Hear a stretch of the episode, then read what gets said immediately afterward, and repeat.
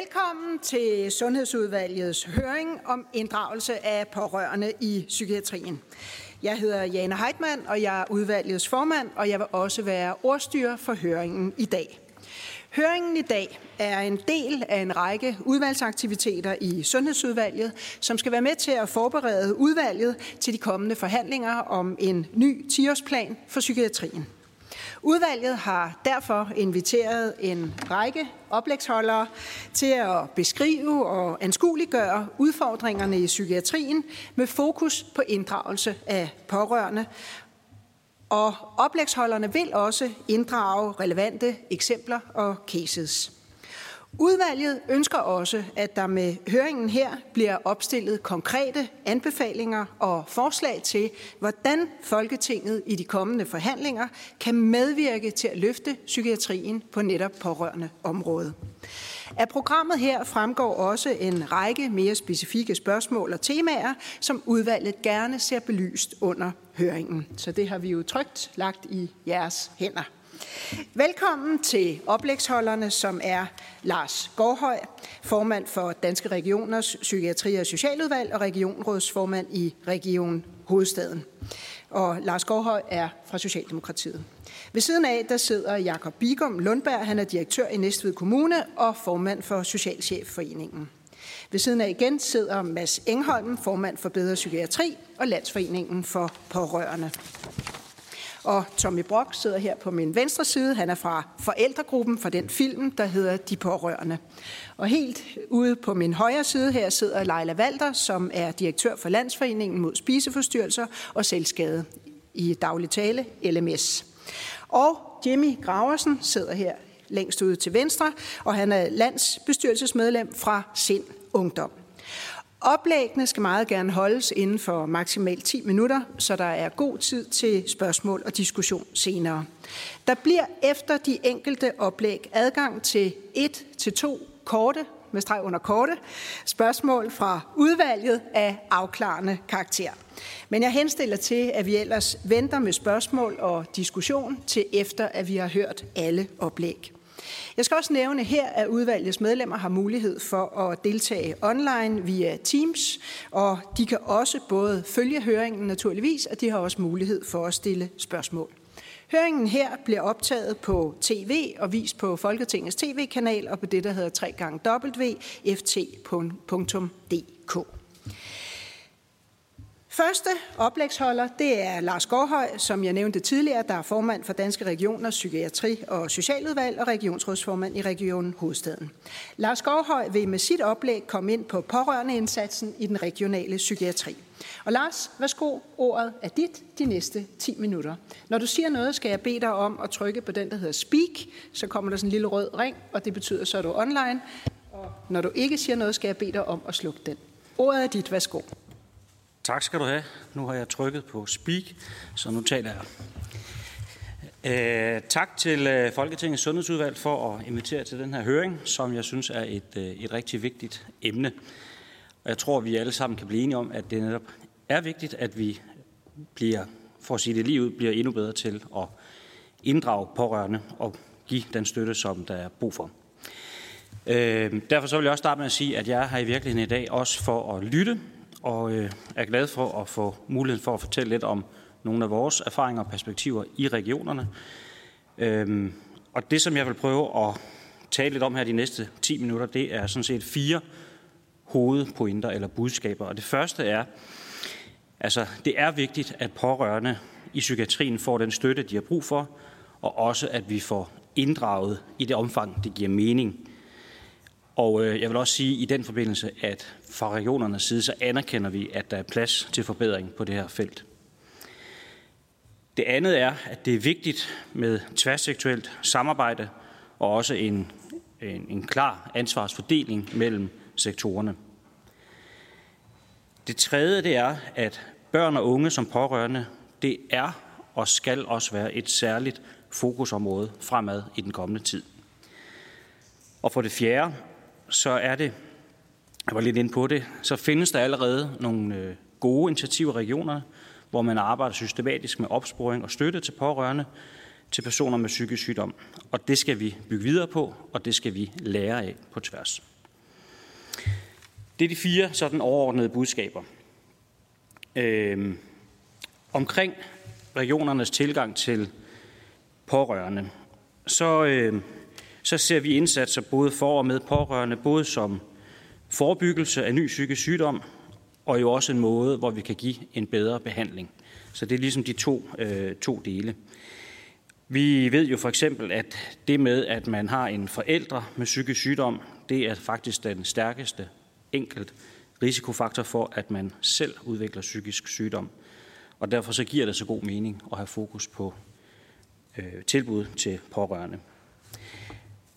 Vi tror på, at øh, der skal være to ben i indsatsen, og det ene er, at vi skal have en vifte af indsatser og tilbud, så den enkelte pårørende kan finde ja, det tilbud, som passer til ens behov. Og det andet er, at vi skal have kompetente medarbejdere hele vejen rundt om borgeren for at kunne støtte op. Og det handler jo om, at medarbejdere skal kunne spotte, øh, om der er pårørende, som har behov for ekstra omsorg. Og det handler også om, at medarbejderne har adgang til opdateret viden om blandt andet de her tilbud, der ligger på området, så man kan hjælpe bedst muligt. Forløb i psykiatrien, det ved vi alle, er jo ofte langvarige og går jo også på tværs af sektorer.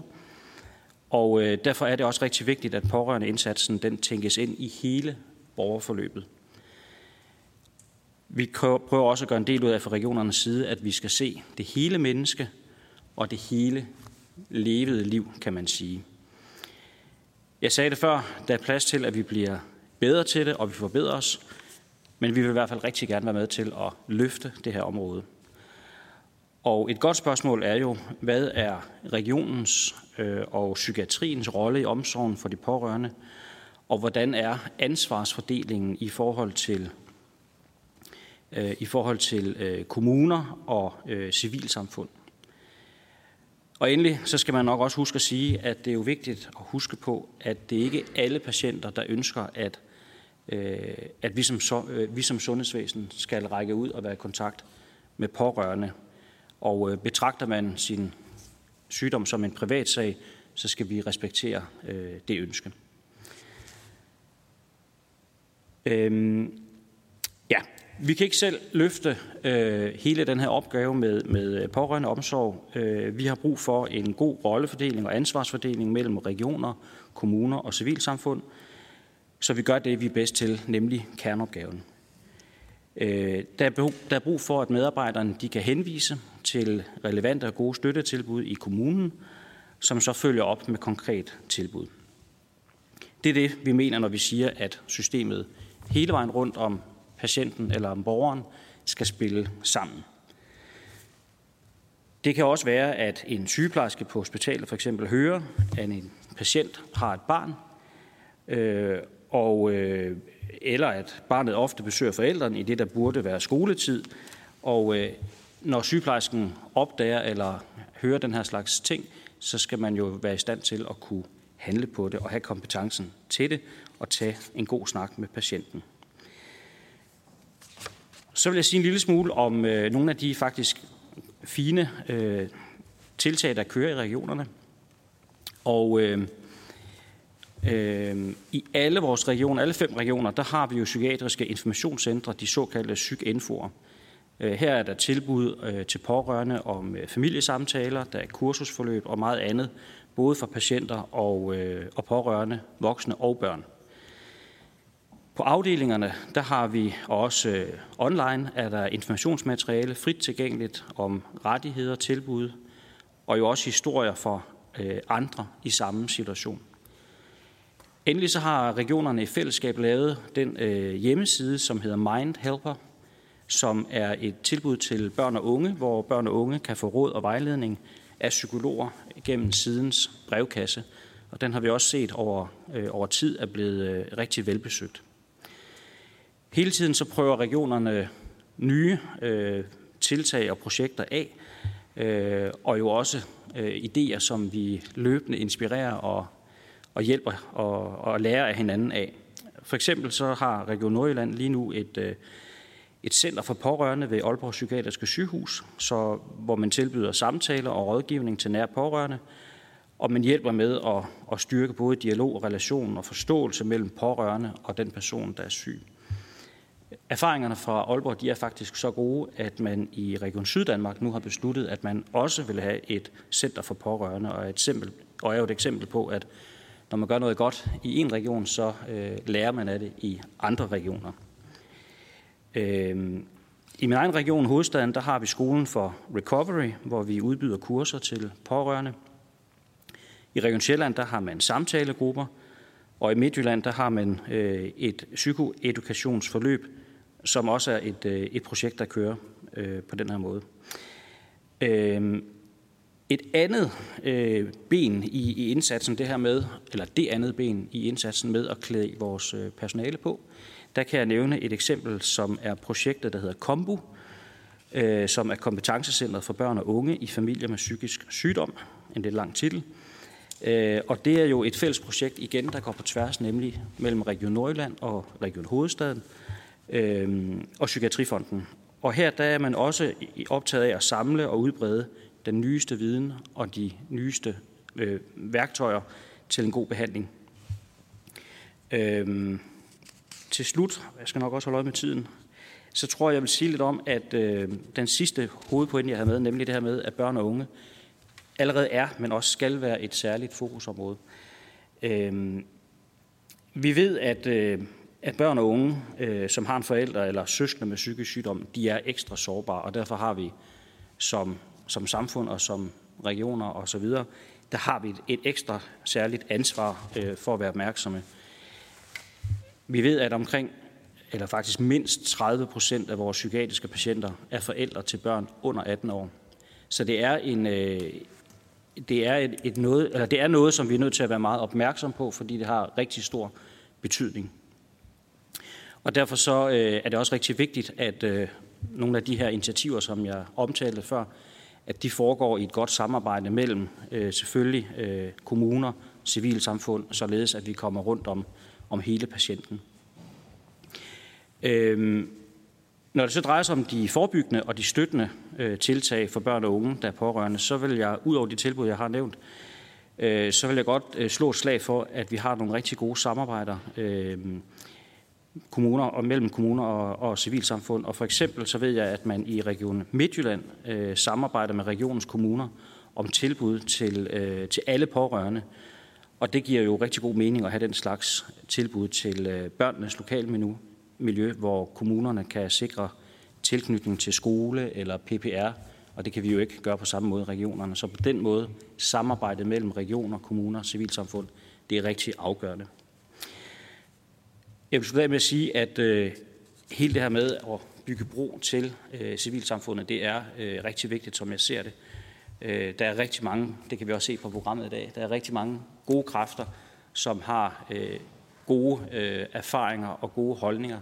Og jeg tror, at meget af løsningen i at komme videre frem på den her dagsorden, meget handler selvfølgelig om penge og politiske beslutninger, men rigtig meget andet, det handler altså om, at vi får sat alle de gode kræfter og energier i spil, som der er i hele miljøet, kan man jo sige, bredt, bredt set.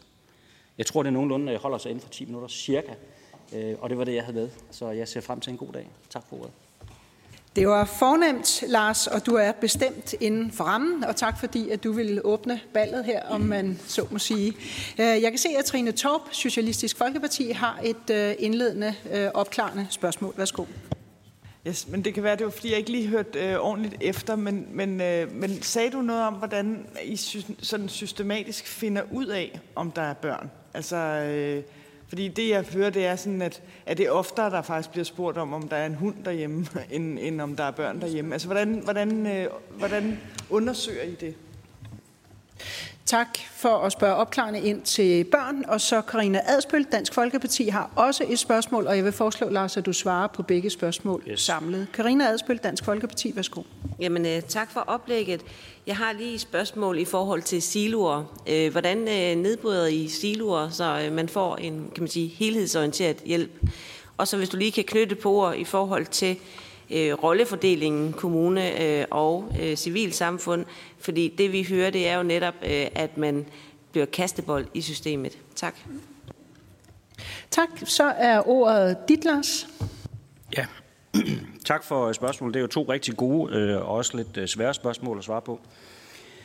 Øh, Karina Adspil, du spørger til det her med, hvordan undgår man øh, at falde ned mellem øh, ja, sektoren eller overgangen, eller hvad vi nu skal kalde dem. Og, øh, og det er jeg enig med dig i. Det er jo ofte det, som er et problem øh, i psykiatrien, men jo egentlig også andre steder i sundhedsvæsenet. Og øh, mit bedste svar er, at vi i regionerne løbende arbejder på at komme tættere på vores kommuner øh, og civilsamfund i forhold til at have den her løbende dialog og et tæt samarbejde, så vi undgår, at patienter falder ned mellem stolene, hvis man skal sige det på den måde. Øh, Øhm, senest er det jo øh, med udspil omkring øh, klyngerne, hvor der kommer til at være et tættere samarbejde mellem øh, aktørerne rundt omkring de store akuthospitaler. Øh, så der er i hvert fald et bud på, hvordan vi kommer til at være tættere på hinanden. Øh, men som jeg sagde i min indledning, så vil jeg også sige, at det er et sted, hvor vi kan blive bedre, og vi, særligt for psykiatrien, der vil jeg i hvert fald sige, at der ved vi godt, at det med at blive skarpere på, hvordan vi får inddraget pårørende, det er en udfordring, som vi ikke er kommet i mål med godt nok, efter min mening. Øh, så det er en af de ting, som vi vil arbejde videre med øh, på flere fronter i, den, i, den, i de kommende år, øh, for det skal der til. Ja, ganske kort kan jeg jo sige, at det var jo det var også en af de ting, vi kom frem til, da vi kiggede på handlingsplanen for nedbringelse af tvang, som gav os mange forskellige gode resultater på, at noget var vi noget godt med, og noget andet knap så langt. Men en af de ting, der står og ligesom og blinker lidt, det er, at det med pårørende inddragelse, det skal vi blive bedre til. Så mere for at sige, det kommer vi til at tage fat på. Så var det, øh, så var det Trine, du spurgte mig til. Øh, hvordan vi systematisk arbejder med opsamling øh, og opsporing.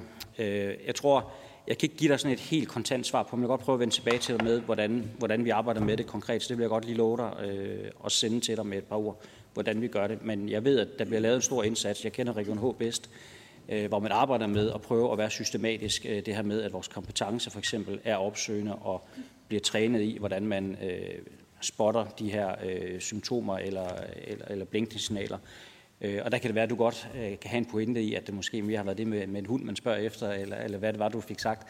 Det vil jeg godt lige prøve at vende tilbage til, og så kan jeg jo lige sende dig en, en opfølgning på det. Tak for svar, Lars. Hvis jeg vil, må være så fri, øh, så vil jeg foreslå, at du sender dit svar til udvalgssekretariatet, fordi så kan hele udvalget øh, simpelthen få glæde af de guldkorn, der jeg regner med, der kommer fra Region Hovedstaden.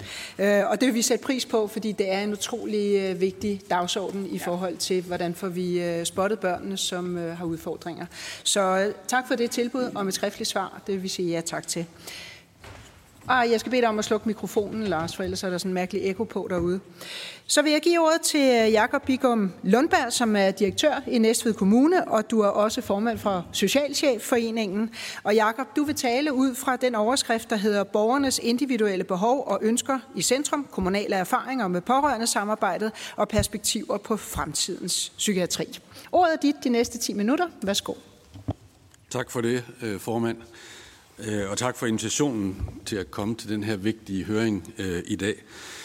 Øh, jeg har ikke nogen snuptagsløsninger med, øh, og jeg har heller ikke koordineret mit indlæg med Lars, men jeg har faktisk også fire budskaber. Det, det lader til at være dagens løsning, øh, så, så det håber jeg, I vil øh, bære over med. Så er der i hvert fald system så meget i det i vores koordinering kommuner og region imellem.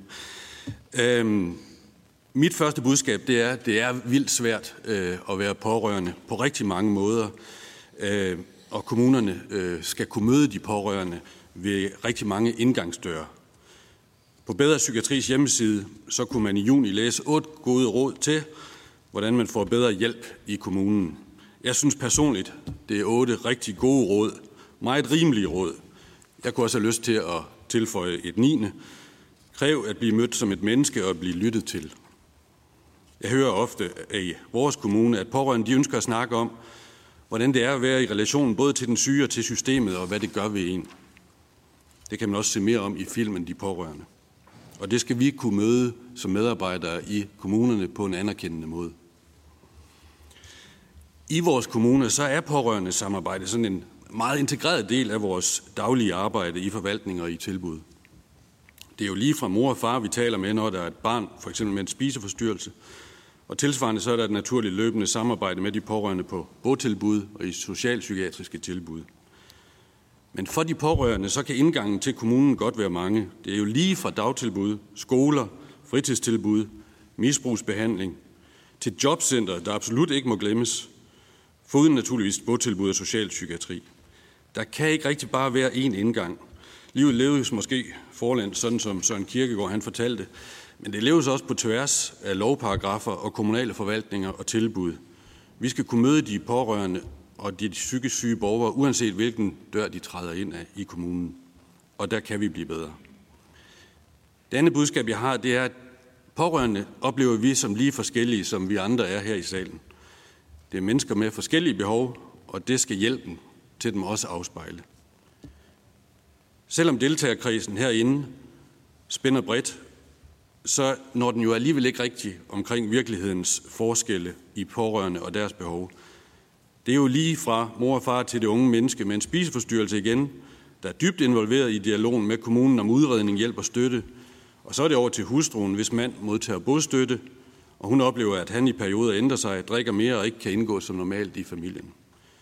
Og så er det til de forældre, der har det voksne barn boende på et botilbud, som har frabedt sig al inddragelse, og som giver stor frustration hos de pårørende. Og ja, der er også pårørende, der har kastet håndklædet i ringen. Det skal vi også kunne rumme. I kommunerne så er der gode erfaringer at hente der, hvor vi systematisk formår at tænke de pårørende ind. Det kan for eksempel være, at vi som en fast procedure sammen med borgere afdækker, hvem er de pårørende? Hvordan ønsker borgeren dem inddraget? Søskende, børn, andet netværk osv. Andre gange så er der mere konkret behov for, at vi går ind og aflaster den pårørende. Jeg har et helt konkret eksempel med fra min egen kommune, Næstved, som jeg har fået lov til at fortælle om. Det er Naja, der er datter af Kurt på 67 år. Og Kurt han er tilknyttet vores socialpsykiatri. Og han har på grund af mange års alkoholmisbrug nedsat kognitiv øh, funktion, og så er han svært hukommelsesvækket. Og så i maj, oven i det hele, så får Kurt konstateret en øh, fremskreden cancer i halsen. Og med det så følger jo så et stort antal undersøgelser og behandlinger i det somatiske sundhedsvæsen. Kurt han har behov for hjælp til alt før, under og efter aftaler med sygehuset, og så har han flere gange jo taget telefonen, når den ringer fra sygehuset, og så glemmer han aftalerne et minut efter, at røret er lagt på. Naja, datteren, hun er den eneste fungerende pårørende. Hun taler ofte flere gange ugentligt med en sygeplejerske fra socialpsykiatrien, for hun har som pårørende behov for at blive lyttet til, forstået og støttet. Nej, hun ønsker at være involveret i sin fars behandling, men øh, det her personale, vores medarbejdere, de arbejder også med at tage noget af ansvaret fra Naja, for hun har jo selv små børn og er i gang med en uddannelse. Og derfor har vi lavet en ordning, sådan at sygeplejersken fra Socialpsykiatrien, hun påtager sig en koordinerende funktion i forhold til alle kursaftaler, bestilling af transport, opfølgning på prøvesvar, blodprøver osv. Og de springer også til, når der kan opstå noget akut i sygehusbehandlingen. Eksemplet synes jeg viser, at der er jo mange forhold omkring Kurt, som sygeplejersken skal have et, øh, et, et godt blik for. Najas trivsel, hendes uddannelse, rollen som mor og hendes egne børn. Og derfor har kommunale medarbejdere også behov for kompetencer, der rækker dertil. En del kommuner efteruddanner i dag deres medarbejdere i den tilgang, der hedder åben dialog, og anvender den i mødet med borgeren, borgerens netværk og samarbejdspartnerne. I åben dialog så ses borgerne som handlekraftige medskabere, og borgernes professionelle og private netværk bidrager aktivt til at nå de ønskede mål. Der er en fast mødeleder, der sikrer, at alle bliver ligeværdigt hørt, men det er borgeren, der beslutter, hvem der deltager, både fra det private liv og fra professionel side. Tilgangen anvendes også nogle steder i samarbejde mellem kommune, regioner, borgere og netværk, f.eks. i Psykiatriens Hus i Aarhus. Jeg har lånt et citat derfra fra en mødedeltager. Alle de andre møder, jeg har været til, var det som at sidde over for en række lukkede døre. Man ved ikke, hvad de tænker og går derfra. Tænker de, at øh, jeg er idiot eller hvad? Her er det anderledes. Her ved jeg jo, hvad alle tænker. Ligesom i Aarhus, så er der også andre tilgange og pårørende hjælp ud over åben dialog. Der er for eksempel lært takle for pårørende, tilbud om åben anonym rådgivning og også psykoedukation visse steder. Det afgørende, synes jeg, er, at vi kan lytte fleksibelt til de aktuelle behov. Det er jo oftest den hjælp, man selv vælger, der virker. Og det er i dialogen mellem pårørende og ansvarlige medarbejdere, at hjælpen udvikles. Omvendt så skal, synes jeg, at vi skal passe på med færdige pakkeløsninger og one size fits all. Så bliver det jo hurtigt det, vi kommer til at stange ud over disken. Mit tredje budskab det er, at civilsamfund, regioner og kommuner har en fælles, men ikke ens opgave i hjælpen til de pårørende. Jeg vil især gerne fremhæve de frivillige foreninger, lige sådan som Lars gjorde, og deres betydning. Der er mulighed for at etablere forældregrupper og pårørende grupper, der hvor man allermest troværdigt kan møde nogen, der forstår en, fordi man deler erfaringer. Og det så jeg også i, film, i filmen i går, øh, synes jeg, i, da jeg så de pårørende igen. Men det kan også ske, tænker jeg, i kommunale frivillige centre, som vi måske kan udnytte mere, end vi gør i dag. Er der mere specialiseret behov for viden, øh, så er det måske regionerne, der har en mere oplagt rolle. I Næstved Kommune så er vi sammen med Region Sjælland etableret integreret psykiatri. Vi er flyttet sammen under samme tag. Her oplever borgere med psykisk sygdom, at de kan møde distriktspsykiatri, socialpsykiatri og jobcenter, andre kommunale funktioner, under samme tag med samme tilgang. Jeg synes, det vil være oplagt, at vi fremover tænker en meget mere systematisk inddragelse af pårørende også. Vi skal ikke kunne det samme, men vi skal kunne supplere hinanden. Mit fjerde og sidste budskab, det er, at det er virkeligheden, der defineres af borgerne. De afgør, om vi formår at skabe sammenhængen. Heldigvis så er der mange gode muligheder for at styrke den nære psykiatri. Der er de tidligere indsatser i kommunerne, så hjælpen bliver mere tilgængelig. Der er den akutte socialpsykiatri, så der er et sted for umiddelbar hjælp og støtte, når angsten og stemmerne melder sig uden for almindelig åbningstid. Der er støtte i eget hjem, der kan gøres mere fleksibel, sådan at overgangen fra psykiatrisk sygehus til egen bolig for eksempel oplever, øh, opleves med en større tryghed. Der er nok af muligheder at prioritere. Men det allervigtigste er, om borgerne selv oplever, at vi formår at skabe sammenhæng for dem. Medborgere med psykisk sygdom lever livet lige så meget på kryds og tværs som os andre, og heldigvis det meste tiden i eget hjem og ikke i en sygehusseng. Derfor håber jeg afslutningsvis, at I vil huske behovet også for sammenhæng mellem en 10-årsplan og to andre højaktuelle arbejder for de samme medborgere, vi taler om her. Det er evalueringen af det specialiserede område, og det er en ny hovedlov om en helhedsorienteret indsats for borgere med komplekse problemer. Der er et stort sammenfald i målgrupper her. Og de beslutninger, der kommer ud af evalueringen af det specialiserede område, skal ligesom dem, I står med i 10-årsplanen, helst undgå, at vi fremover automatisk giver alle i en målgruppe det samme one-size-tilbud. Vi kan ikke gå til psykiske lidelser, som om det var blindtarmsbetændelser. Det er ikke lineært, det her. Det er jo ofte i dialogen, som sagt, mellem borger og den professionelle, at hjælpen egentlig opstår. Den erkendelse, synes jeg, præcis er udgangspunktet for den politiske aftale, som er indgået i Folketinget om rammerne for en helhedsorienteret indsats. Den aftale anerkender jo netop behovet for at skabe sammenhæng på tværs af systemer, og ikke mindst at inddrage den enkelte borger mere i sin egen sag.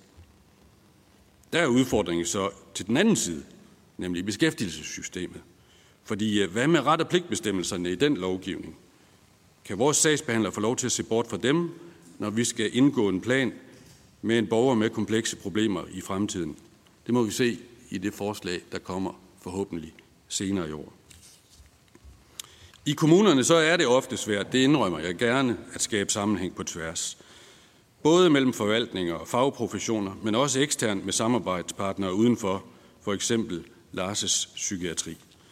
Men der er en udvikling på vej båret frem af frikommuneforsøg og andre initiativer i mange kommuner. Der er et stort ønske i rigtig mange af vores kriser om at gøre det endnu bedre.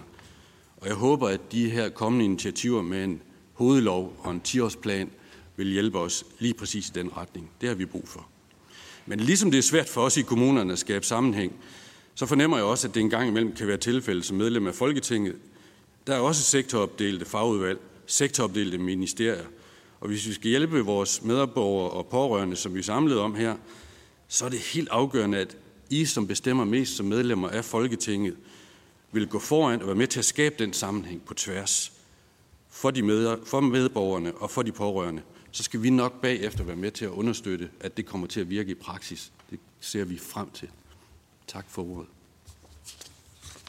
Tusind tak, Jakob. Jeg skal bede dig om at slukke mikrofonen. Tusind tak for et øh, rigtig godt oplæg, som jeg er sikker på øh, vil skabe debat, øh, når vi når dertil. Og også tak for lige at i talsætte, at psykiatrien er ikke one size fits all. Og så øh, vil jeg også sige tak for lige at sparke ind her til Folketinget, at vi jo også skal huske en gang imellem at gribe i egen barm, havde jeg sagt, nemlig at vi også skal huske at tænke på tværs. Det er ikke noget, man bare kan bede kommuner og regioner om, men vi skal også huske at gøre det herinde. Så tak for lige at sætte det, øh, eller i hvert fald lige talesætte det. Øh, jeg kan oplyse, at Venstres Martin Gertsen, han er med på øh, Teams. I kan ikke se ham, men han er med og hører alt, hvad der bliver sagt.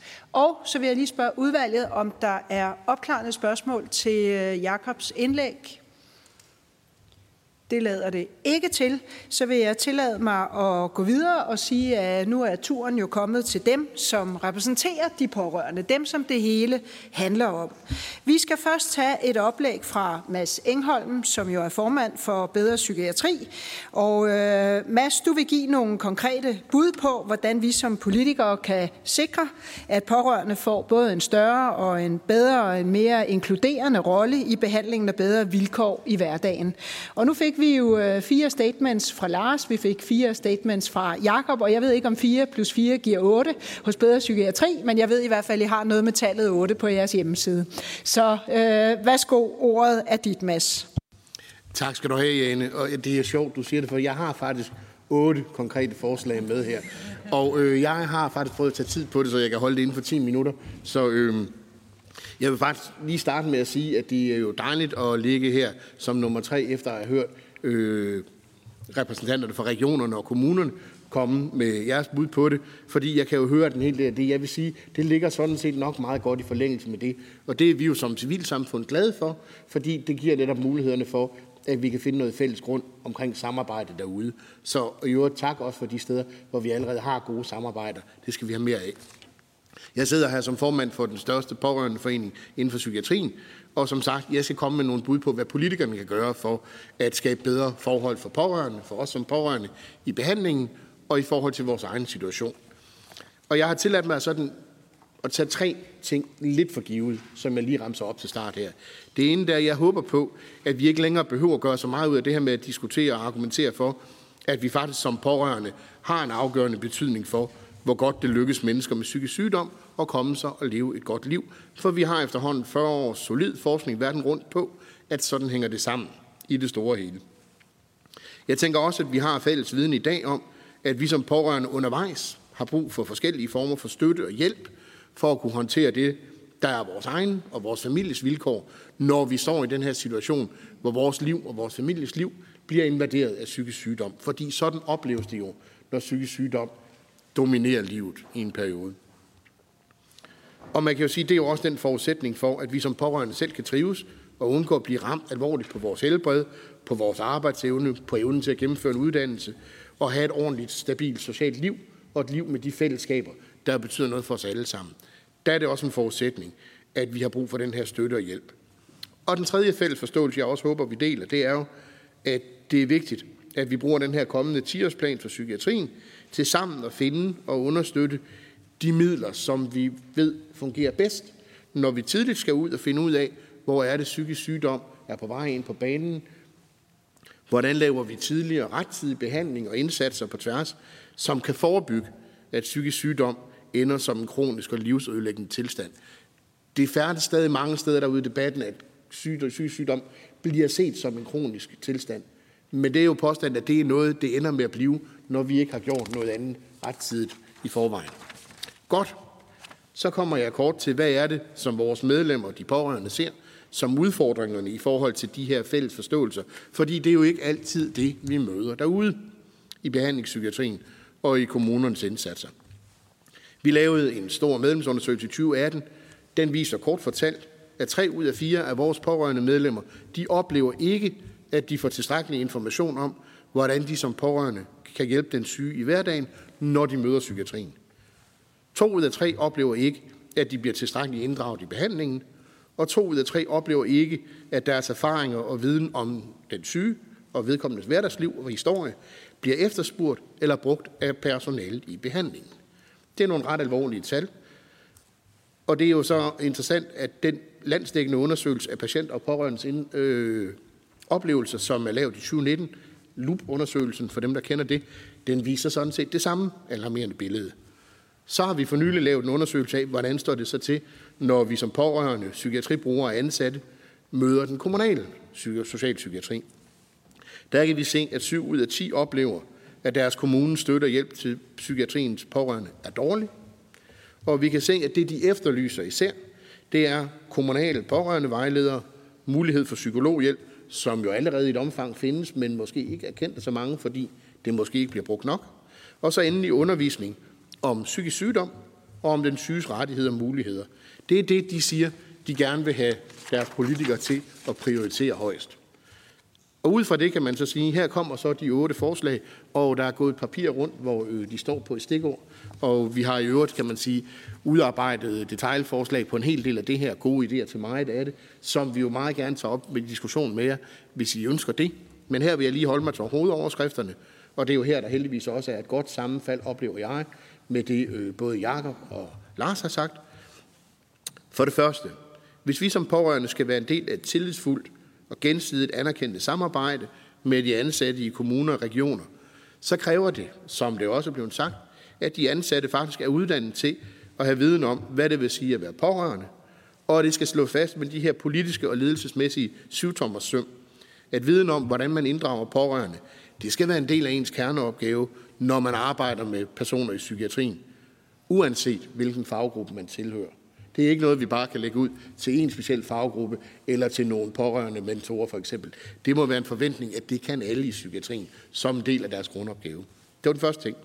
Den anden ting, det er, at behandlingspsykiatrien og kommunerne bør forpligtes til at have pårørende vejledere eller pårørende mentorer, der kan hjælpe os som pårørende med at finde ud af, hvordan håndterer vi vores situation, som sagt, når vi for første gang eller sidenhen kommer i kontakt med kommunen og behandlingspsykiatrien, fordi psykisk sygdom har ramt familien.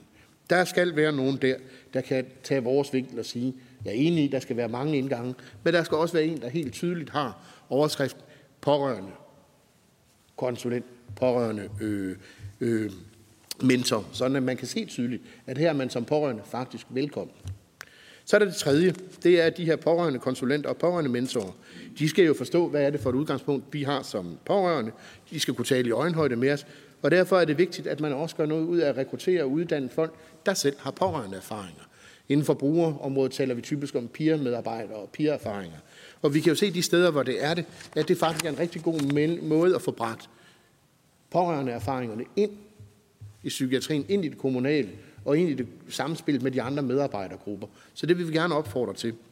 Den fjerde ting, det er, at vi mener, at det bør være en regional opgave at sikre, at alle pårørende får tilbudt en kvalitetssikret undervisning i forståelsen af sygdommen og i, hvordan vi lærer at mestre vores egne vilkår som pårørende, forstå dem. Meget gerne i samarbejde med kommunerne og foreningerne, så vi får samlet vores viden på tværs af sektoren. Men det helt grundlæggende, der handler om at forstå den her sygdom, som er ramt, den bør komme fra regionen og være en del af, af det, som alle pårørende får tilbudt. Så er der det femte. Det er, at regionerne også bør sikre, ja, jeg har en lidt lang ønskeliste med til dig, Lars, beklager, øh, men at de også bør sikre, at der er målrettet tidlige forløb til børn, unge og deres forældre, når man som søskende eller forældre, når nogen bliver ramt af psykisk sygdom. Og det er jo her, vi kan se den her med, at en ting er, at det bliver opdaget, når børn og unge selv bliver ramt af psykisk sygdom, men alle dem, der påvirkes af det som pårørende, og hvor det i virkeligheden tager en hel del af det, der er centralt i at være barn, tager det fra dem. Det er vi nødt til at blive tidligere på at få opsporet. Øh, og det er jo også i virkeligheden en kommunal opgave, det har du også været lidt inde på, jeg i forhold til at sige, hvordan klæder vi folk på til faktisk at se den her udfordring. Så kommer den sjette ting, det er, og du har også nævnt det i forhold til kommunernes bostøtte, vi kan se, at vores pårørende efterlyser akut, at der kommer et løft i bostøtten til personer med psykisk sygdom, der enten bor hjemme hos deres familie eller bor selv. For ellers så ender det med, at det bliver de pårørende, som mange gange skal løfte de her mest krævende pleje- og omsorgsopgaver, og det kan altså vælte vores egen tilværelse. Plus det, at vi som pårørende ikke nødvendigvis klædt på til at forstå, hvad den bedste omsorg er i den her sammenhæng. Vi er engageret, men vi er også lægemænd. Vi er ikke socialpædagoger eller sygeplejersker, eller folk, der har den her faglige viden, som skal ligge til grund for en god bostøtte. Så kommer det syvende. Det er, at vi ser et akut behov for at få løftet kvaliteten på mange af de her bosteder, der i dag dækker meget store brede øh, beboergrupper, men hvor der ikke er den nødvendige socialpædagogiske, psykiatriske og sundhedsfaglige kvalitet med. Og det er jo så der, vi oplever som pårørende, at så ender dem, som vi har boende der, vores kære der, de ender i virkeligheden med at blive opbevaret, i stedet for at blive hjulpet til livskvalitet og trivsel. Og det undergraver jo også vores mulighed for at være trygge ved den. I virkeligheden så har vi afleveret nogle af de mennesker, der betyder allermest for os, til en dagligdag hos jer, hvor vi skal være sikre på, at det bliver løftet ordentligt. Hvis ikke vi kan det, så forsvinder hele den der basis for tillidsfuldt samarbejde jo også. Og i øvrigt bliver man som pårørende ulykkelig af at se, at ens kære ikke får den hjælp, der er brug for. Så kommer det ordentligt og sidste, og det er til jer som folketingspolitikere.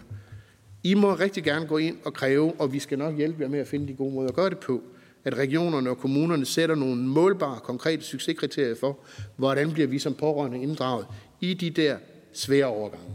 Det, der går på tværs. Når man udskriver folk fra et behandling i, regionen til for eksempel et botilbud eller en bostøtte ude i kommunen, eller når folk skifter med fra en indsats i kommunen til en anden, eller når folk flytter kommune og sådan nogle ting. Der sker jo de der ting, hvor nogen skal sørge for, at det, der er blevet sat i gang, som forhåbentlig er godt, bliver afleveret på en god måde og fuldt op på. Og der oplever vi jo, at hvis ikke vi er med inde i maskinrummet der og forstår, hvad der foregår, så risikerer vi alt for tit, at vi er sat uden for indflydelse på det. Vi ved ikke, hvad der er, der er planlagt. Og når det så kigger, så er det os, der står tilbage som netværket til at gribe det. Så der tænker jeg, der må man meget gerne gå ind og være mere konkret og systematisk på at sige, hvordan de der aftaler, der laves omkring de svære overgange, hvordan er de pårørende med der. Og jeg tror simpelthen, man bliver nødt til at måle på, om det gør en forskel. Fordi ellers så er det en af de opgaver, der virkelig er svære, og så bliver det bare nogle processer og procedurer. Godt. Og så vil jeg lige sige, åben dialog, som du også nævnte, er jo et godt eksempel på et redskab, man kan bruge i den sammenhæng. Det er dialogbaseret. Så det er det udgangspunkt, jeg har med i dag. Og jeg står selvfølgelig, og det gør bedre psykiatri også, til jeres rådighed i forhold til at diskutere videre på de her ting. Og som sagt, en del af det har vi konkrete forslag på, og meget af det har vi også idéer til, hvordan vi konkret kan gøre. Tak for ordet. Tusind tak, Mads. Jeg skal bede dig om at slukke mikrofonen. Tak for det, og tusind tak for et, øh, hvad skal man sige, meget konkret indlæg. Og også tak for otte konkrete bud. Jeg vil lige sige til tilhørende her, at øh, de otte bud, de ser sådan ud, og vi lægger sædlen her ud på øh, Sundhedsudvalgets hjemmeside, så både tilhører her og jer, der sidder hjemme i stuerne, I har mulighed for konkret at se, hvad der er Mads her har øh, præsenteret på vegne af bedre psykiatri. Så kan jeg sige, at Fatma Øgtem fra Venstre Venstre er også øh, deltagende på Teams og lytter med og har naturligvis også mulighed for at stille spørgsmål. Trine Torp, du havde et kort opklarende spørgsmål. Socialistisk Folkeparti, værsgo. Jamen, det var et, jeg overvejede også at stille det, øh, da Jakob havde sit oplæg. Øh, men nu nævner øh, Mads igen det her med åben dialog, som jo er en altså, glimrende måde også, at man selv kommer til at vælge, hvem er det, der betyder noget for en. Det ved man jo ikke nødvendigvis på, på forhånd. Øh, hvad, hvad er din Hvorfor tror du, det ikke er blevet udbredt mere? Altså, men åben dialog har jo været øh, i Danmark i en, i en del år, og, og, og jeg hører jo kun øh, gode røster om det. Så, så hvorfor ser vi det ikke mere, end vi gør?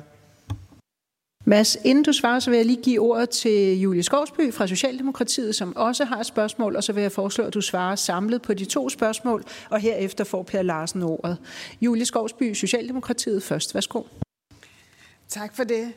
Jeg vil spørge til øh, helt konkret øh, punkt 8 her med at kræve øh, målbare og konkrete succeskriterier. Er der øh, steder, hvor at øh, det eksisterer i dag? Det var kort og klart. Tak for det, Julie. Så er ordet dit, Mads, inden Per Larsen fra det konservative Folkeparti får ordet. Værsgo. Tak for spørgsmålene. Lad mig tage det sidste først. Det er jeg i tvivl om. Jeg tror, det nogle steder fungerer som et internt succeskriterium for, at tingene kan lykkes. I Region Hovedstaden, som jeg selv kender bedst til, der arbejder man med de her tværsektorielle, netværk, tværsektorielle netværksmøder, hvor man også er begyndt at indtænke pårørende i det, og hvor vores dialog jo så med regionen er, og med kommunerne er, hvordan får vi det skrevet tydeligere frem, sådan at det faktisk fremgår af det, man bruger som dokumentation for møderne, at de pårørende er med og spiller en rolle, og hvilken rolle det er. Og at man har vejledninger om, hvordan går man som pårørende ind i det her rum. Og det tænker jeg, at vi har sådan allerede skabt en vis god fælles forståelse for, at det kan gøres. Og så kan man jo begynde at se på, hvor mange af de her møder er de pårørende faktisk med til. Hvor mange af møderne bidrog de pårørende faktisk med noget, som man har taget med som en del af konklusionen. Og det kan man jo godt arbejde systematisk med, tænker jeg. Og det skal nok være nede på det der relativt lavpraktiske niveau i forhold til at se, om det faktisk gør en forskel derude. Trine, i forhold til åben dialog. Jeg tror, når jeg snakker med de kommuner og regioner, som har det, og som er vældig glade for det, så siger de jo, at hvis det ikke bare skal være den der tynde udgave af det, så kræver det faktisk, at folk er relativt veluddannede. Det at have en dialog kørende med folk, der er i en svær situation, hvor man er under pres fra mange sider, hvor der er masser af potentielle konflikter kørende, og stadig holde åbenhed og dialog om det. Det kræver faktisk en relativt god uddannelse og nogle ressourcer i det, og derfor er det en, som udgangspunkt, det er ikke nogen billig investering at gøre folk i stand til det. Til gengæld kan man jo så se, at både pårørende øh, patienter, øh, eller, eller hvad man siger, borgere og øh, de ansatte selv, synes, det giver rigtig meget værdi bagefter. Så det er også noget af det, der motiverer folk til faktisk i systemet og arbejde med det her, at de selv kan opleve, at de faktisk er blevet dygtige til noget, der gør en forskel. Ja. Tak for det, Mads. Og bare for at sige, at målbare, konkrete succeskriterier, det vil jo være en ny måde at arbejde på inden for psykiatrien, hvor vi jo ikke sådan på samme måde måske har haft tradition for, øh, at tingene øh, er målbare, ligesom vi har i andre dele øh, af sundhedsvæsenet. Så øh, bare for at kvittere for at hvad skal man sige, bringe det i spil også. Øh, per Larsen, Konservativ Folkeparti, værsgo. Ja, tak for det, og tak for nogle gode oplæg.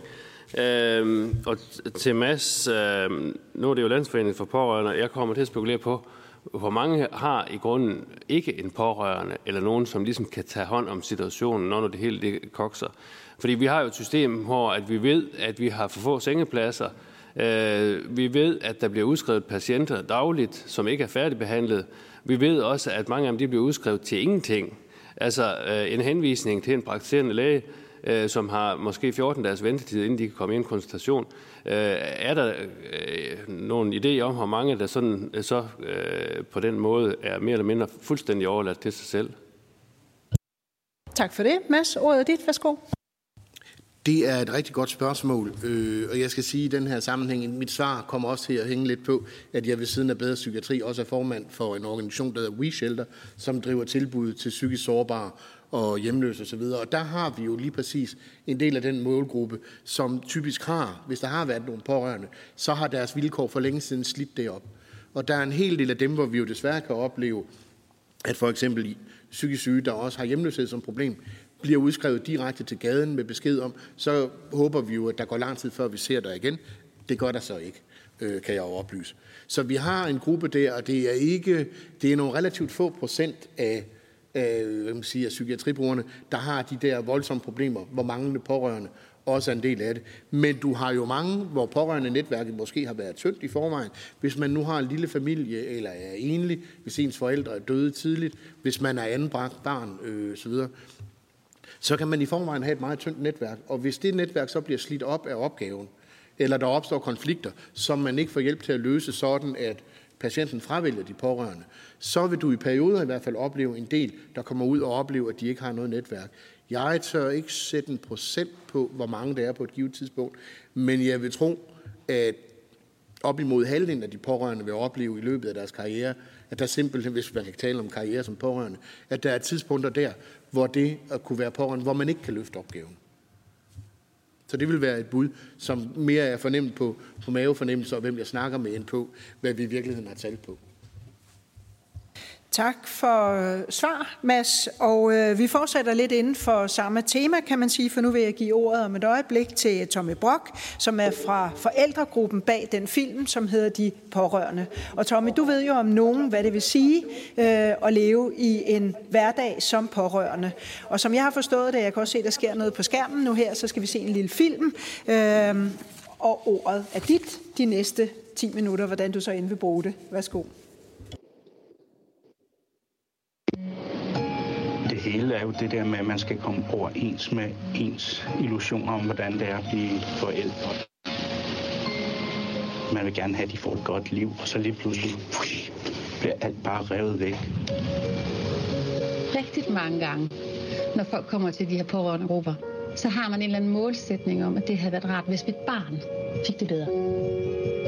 Vi mistede hende for tre år siden, og øh, den sygdom bliver hun jo aldrig fri for. Den første gang, der er nogen, der ligesom kigger på mig og siger, at der er et eller andet galt med ham. Der er noget i vejen her. Det er mærkeligt at skulle skjule sig for, for, for sin søn. Vi har en datter, der faktisk har forsøgt selvmord flere gange. Hvor hun så bare direkte siger, Julies journal er jo meget lang, så vi kan jo ikke forvente, at lægen skal læse det hele. Ej, okay. Vi lever i så rigt et land, og så er vi så fattige, når det kommer til det her. Jeg trænger som til at have et forum, hvor det ikke handler om fie. Jeg kan simpelthen ikke holde ud at være sammen med mennesker, der ikke har problemer. Jeg ved, vi vil føle, at vi har gjort det bedste, men jeg vil altid føle, at vi kunne have gjort noget mere. Så hvem er jeg har lyst til at starte med at dele?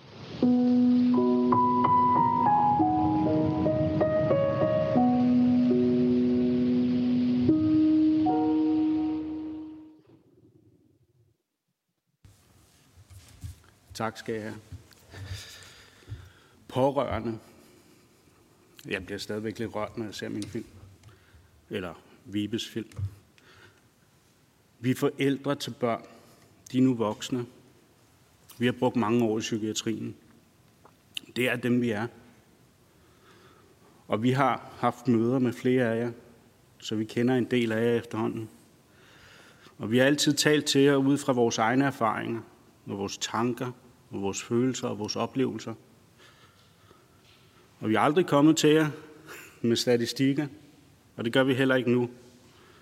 Fordi for os, der er det her dybt personligt, med udgangspunkt i det enkelte menneske. Også når det her menneske ikke lige rammer ind i en statistik. For psykisk sygdom, det rammer hele familien. Det rammer søskende, forældre, bedsteforældre. Og det er svært for mig. Det er svært for mig at sætte ord på at være barn og pårørende. Men jeg kan fortælle, jeg kan fortælle jer om den sorg, og den skyldfølelse og den evige dårlige samvittighed, vi har over for vores andre børn. Over det svigt. Det svigt, vi udsætter dem for, er nærvær og tid.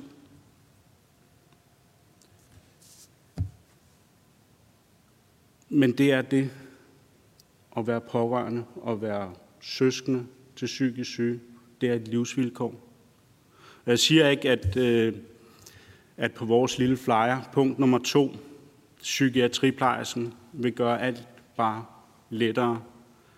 Men vi ved, at en person med tværfaglig viden, en empatisk person, som kan hjælpe og vejlede pårørende i systemerne, både de kommunale og de regionale, som kan hjælpe og pege i retning af den hjælp, man kunne have behov for, både som forældre, men også som søskende.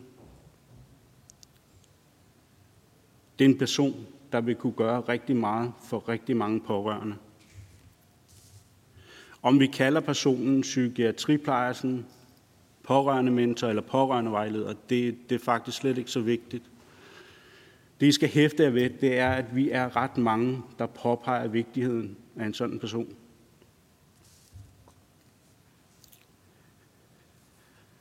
Inddragelse af pårørende. Det bør ikke være et spørgsmål om pårørende skal inddrages, men en, simpelthen en forpligtelse fra systemet og fra det offentlige, at de skal. For i langt de fleste tilfælde, der er pårørende den vigtigste ressource for patienten. Og pårørende kan i høj grad være med til at give behandlingsfaglige personer et dybere og mere indgående kendskab til mennesket bag ved den psykiske lidelse. Og det er med til at skabe en bedre kontrakt og et bedre udgangspunkt for behandling og recovery. En patient er også andet end den psykiske lidelse. De er også mennesker med håb, drømme, længsler, livretter og yndlingsfilm. Og det er bare så vigtigt, at behandlingssystemet ser og arbejder med det hele menneske. Og det er kun de pårørende, der kan være med til at tegne de billeder. Det er urimelig hårdt at være pårørende. Det er et umenneskeligt livsvilkår. Og derfor bliver I nødt til at fokusere politikere, regioner og de kommunale. I bliver nødt til at fokusere på at skabe et bedre vilkår for de pårørende. Og vores punkt nummer 4, pårørende indskrives i serviceloven. Det er krav om støtte og hjælp. At give de pårørende rettigheder. De skal have rettigheder til at være pårørende. Ret til omsorgsdage, overlov, ret til krisepsykolog, ret til at blive mødt med forståelse i det offentlige. Rettigheder til pårørende skal også ses som en indsats i forebyggelse. Forebyggelse af følgesygdomme, stress, angst, depression, PTSD, jeg kunne blive lidt ved. Det skal ses som et tiltag til at fastholde pårørende på arbejdsmarkedet. Det er vigtigt, at der bliver gjort en stor indsats, for at pårørende ikke skal gå hen og blive patienter. Og en sådan prioritering vil på den lange bane være givetig økonomisk. Som vi skriver i punkt 1, det skal være obligatorisk for det offentlige at tilbyde forældre, søskende og andre pårørende hjælp, såsom pårørende grupper og øvrige hjælpeprogrammer. Det er vigtigt at give pårørende børn som voksne hjælp til sygdomsforståelse, Hjælp til selvhjælp for de pårørende. Hjælp til pårørende skal være vedvarende om nødvendigt, fordi vi er pårørende resten af vores liv. Samarbejde på tværs af sektorer, det er en kilde til evig uro hos de pårørende. Hvad vil nu gå tabt af information? Vil handleplanen blive fuldt? Følger socialpsykiatrien medicinplan? Eller læser de den ikke? Jeg sagde det godt nok i filmen, men nu kommer den igen. Det er et citat, jeg selv fik fra min datters kontaktperson, efter de ville skifte medicin til et præparat, hun reagerede meget kraftigt imod ordret. Journalen er jo meget lang. Vi kan ikke forvente, at lægen læser det hele. Citat slut. Ting falder mellem sektorer, fordi der ikke er tid nok til den enkelte borger. Der er ikke tid nok, fordi der ikke er hænder nok. Der er ikke hænder nok, fordi det koster penge. Vi skal bare blive enige om én ting. Patienter er ikke raske, når de bliver udskrevet fra de psykiatriske afsnit. Derfor skal vi kommitte til en større og bredere socialpsykiatri. Hvordan fungerer overgangen fra børne- og ungdomspsykiatrien til voksenpsykiatrien? Min egen oplevelse er bare ikke særlig godt. Jeg oplevede, at de slap min datter, efter hun fyldte 17 år. Hun ville jo snart overgå til voksenpsykiatrien. Men selv for unge uden psykisk lidelse er teenageårene nogle af de allersværeste. Deres selvforståelse og verdensbilleder, de buller af. Så læg en psykisk lidelse, måske en autisme eller en anden diagnose oveni, og så skal det nok for alvor blive skrøbeligt, at alt skiller ved det 18. leveår. Vores punkt nummer tre, det taler ind i en nytænkning af ungdomspsykiatrien. For det er vores oplevelse, at rigtig mange unge falder tilbage i proces, når de krydser det 18. år, og dermed skifter fra børn og unge til voksenpsykiatrien. Behandlere, kontaktpersoner og andre forsvinder. Nye kommer til, men det er oftest bare ikke særlig hensigtsmæssigt. Et muligt aldersspænd kunne hedde 15 til 25. På den måde har vi mulighed for at skabe en sammenhængende og kontinuerlig behandling. af unge mennesker i nogle af de allermest sårbare år i ungdomslivet. Der er en stor skævvridning økonomisk i somatikken kontra psykiatrien. Og det er nu, det er nu, at der skal rettes op på det. For psykisk sygdom, det er blevet vores folkesygdom nummer et. Og psykiatrien, det handler hverken om rød eller blå fløjpolitik. Det handler om anstændighed. Og det handler om vilje.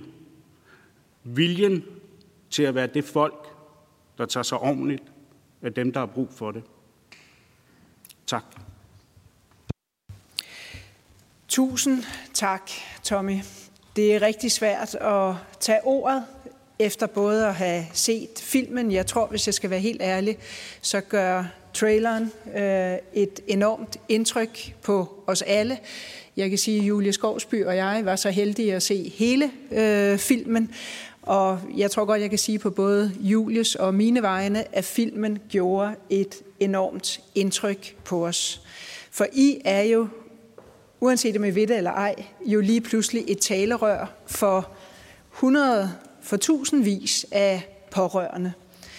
Og I er, hvad skal man sige, øh, I forstår på en meget øh, direkte, men også på en meget ordentlig måde at få formidlet, hvad er det for en hverdag, I oplever som pårørende? Hvad er det for en hverdag? Hvad er det for et liv, I har på godt og ondt? Og det vil jeg i hvert fald gerne øh, kvittere for og sige tak for. Og så vil jeg spørge udvalget her, om der lige nu og her øh, er opfølgende spørgsmål til, øh, til Tommys øh, pointer og til den lille, øh, hvad skal man sige, appetizer, vi så i forhold til hele filmen om de pårørende. Det har Julie Skovsby. Værsgo. Socialdemokratiet. Værsgo. Tak. Ja, og tak for filmen til jer, der har været med til at, at lave den, og tak for jeres øh, bidrag. Tommy, jeg vil gerne høre, om du kan sætte lidt flere ord på, på øh, dit budskab om at fastholde pårørende på arbejdsmarkedet. Altså, hvad er det for nogle udfordringer, man står overfor? Øh, hvis du kan sætte lidt flere ord på. Tak, Julie. Ordet er dit, Tommy. Værsgo. Jamen, ofte så står man jo over for en arbejdsgiver, der ikke har indsigt i, hvad det vil sige at have børn, der er psykisk syge. Øh, tabuiseringen i samfundet er jo med til at, at underbygge det her den her skrøbelighed, der er i at tale om det. Og det skal der ikke være øh, nogen hemmelighed, at når man har børn, der er psykisk syge og er så hårdt ramt, så vil man jo ikke umiddelbart være 100% effektiv på arbejdsmarkedet. Og det skal der være plads til. Øh, det skal der også være plads til. Der skal være plads til menneskeligheden ude i samfundet og ude på arbejdspladserne.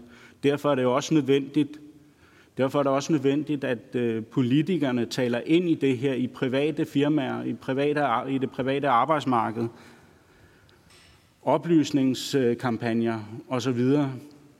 Fordi det er rigtig mange forældre, der faktisk mister deres job, når de skal varetage deres syge børn. Var det øh, svar nok? Ja, og jeg tænkte faktisk lidt på, jeg skal lige bede dig om at slukke mikrofonen. Hvis du vil fortælle, hvad du selv arbejder med. Jamen, øh, jeg er selvstændig erhvervsdrivende, og heldigvis har jeg en kompagnon, for ellers havde jeg nok måtte lukke mit firma. Og du er faglært og tømrer, ikke? Sandt. Øh. Jo, det er jeg.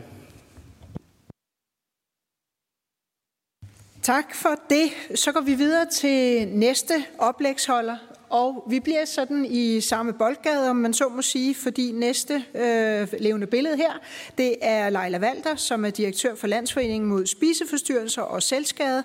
Og Leila, du vil under overskriften fra forældre til behandler øh, gøre os lidt klogere på, hvad er, øh, hvad er det at være øh, pårørende som forældre, øh, og hvad, hvad skal man sige, øh, hvor kan det føre os hen?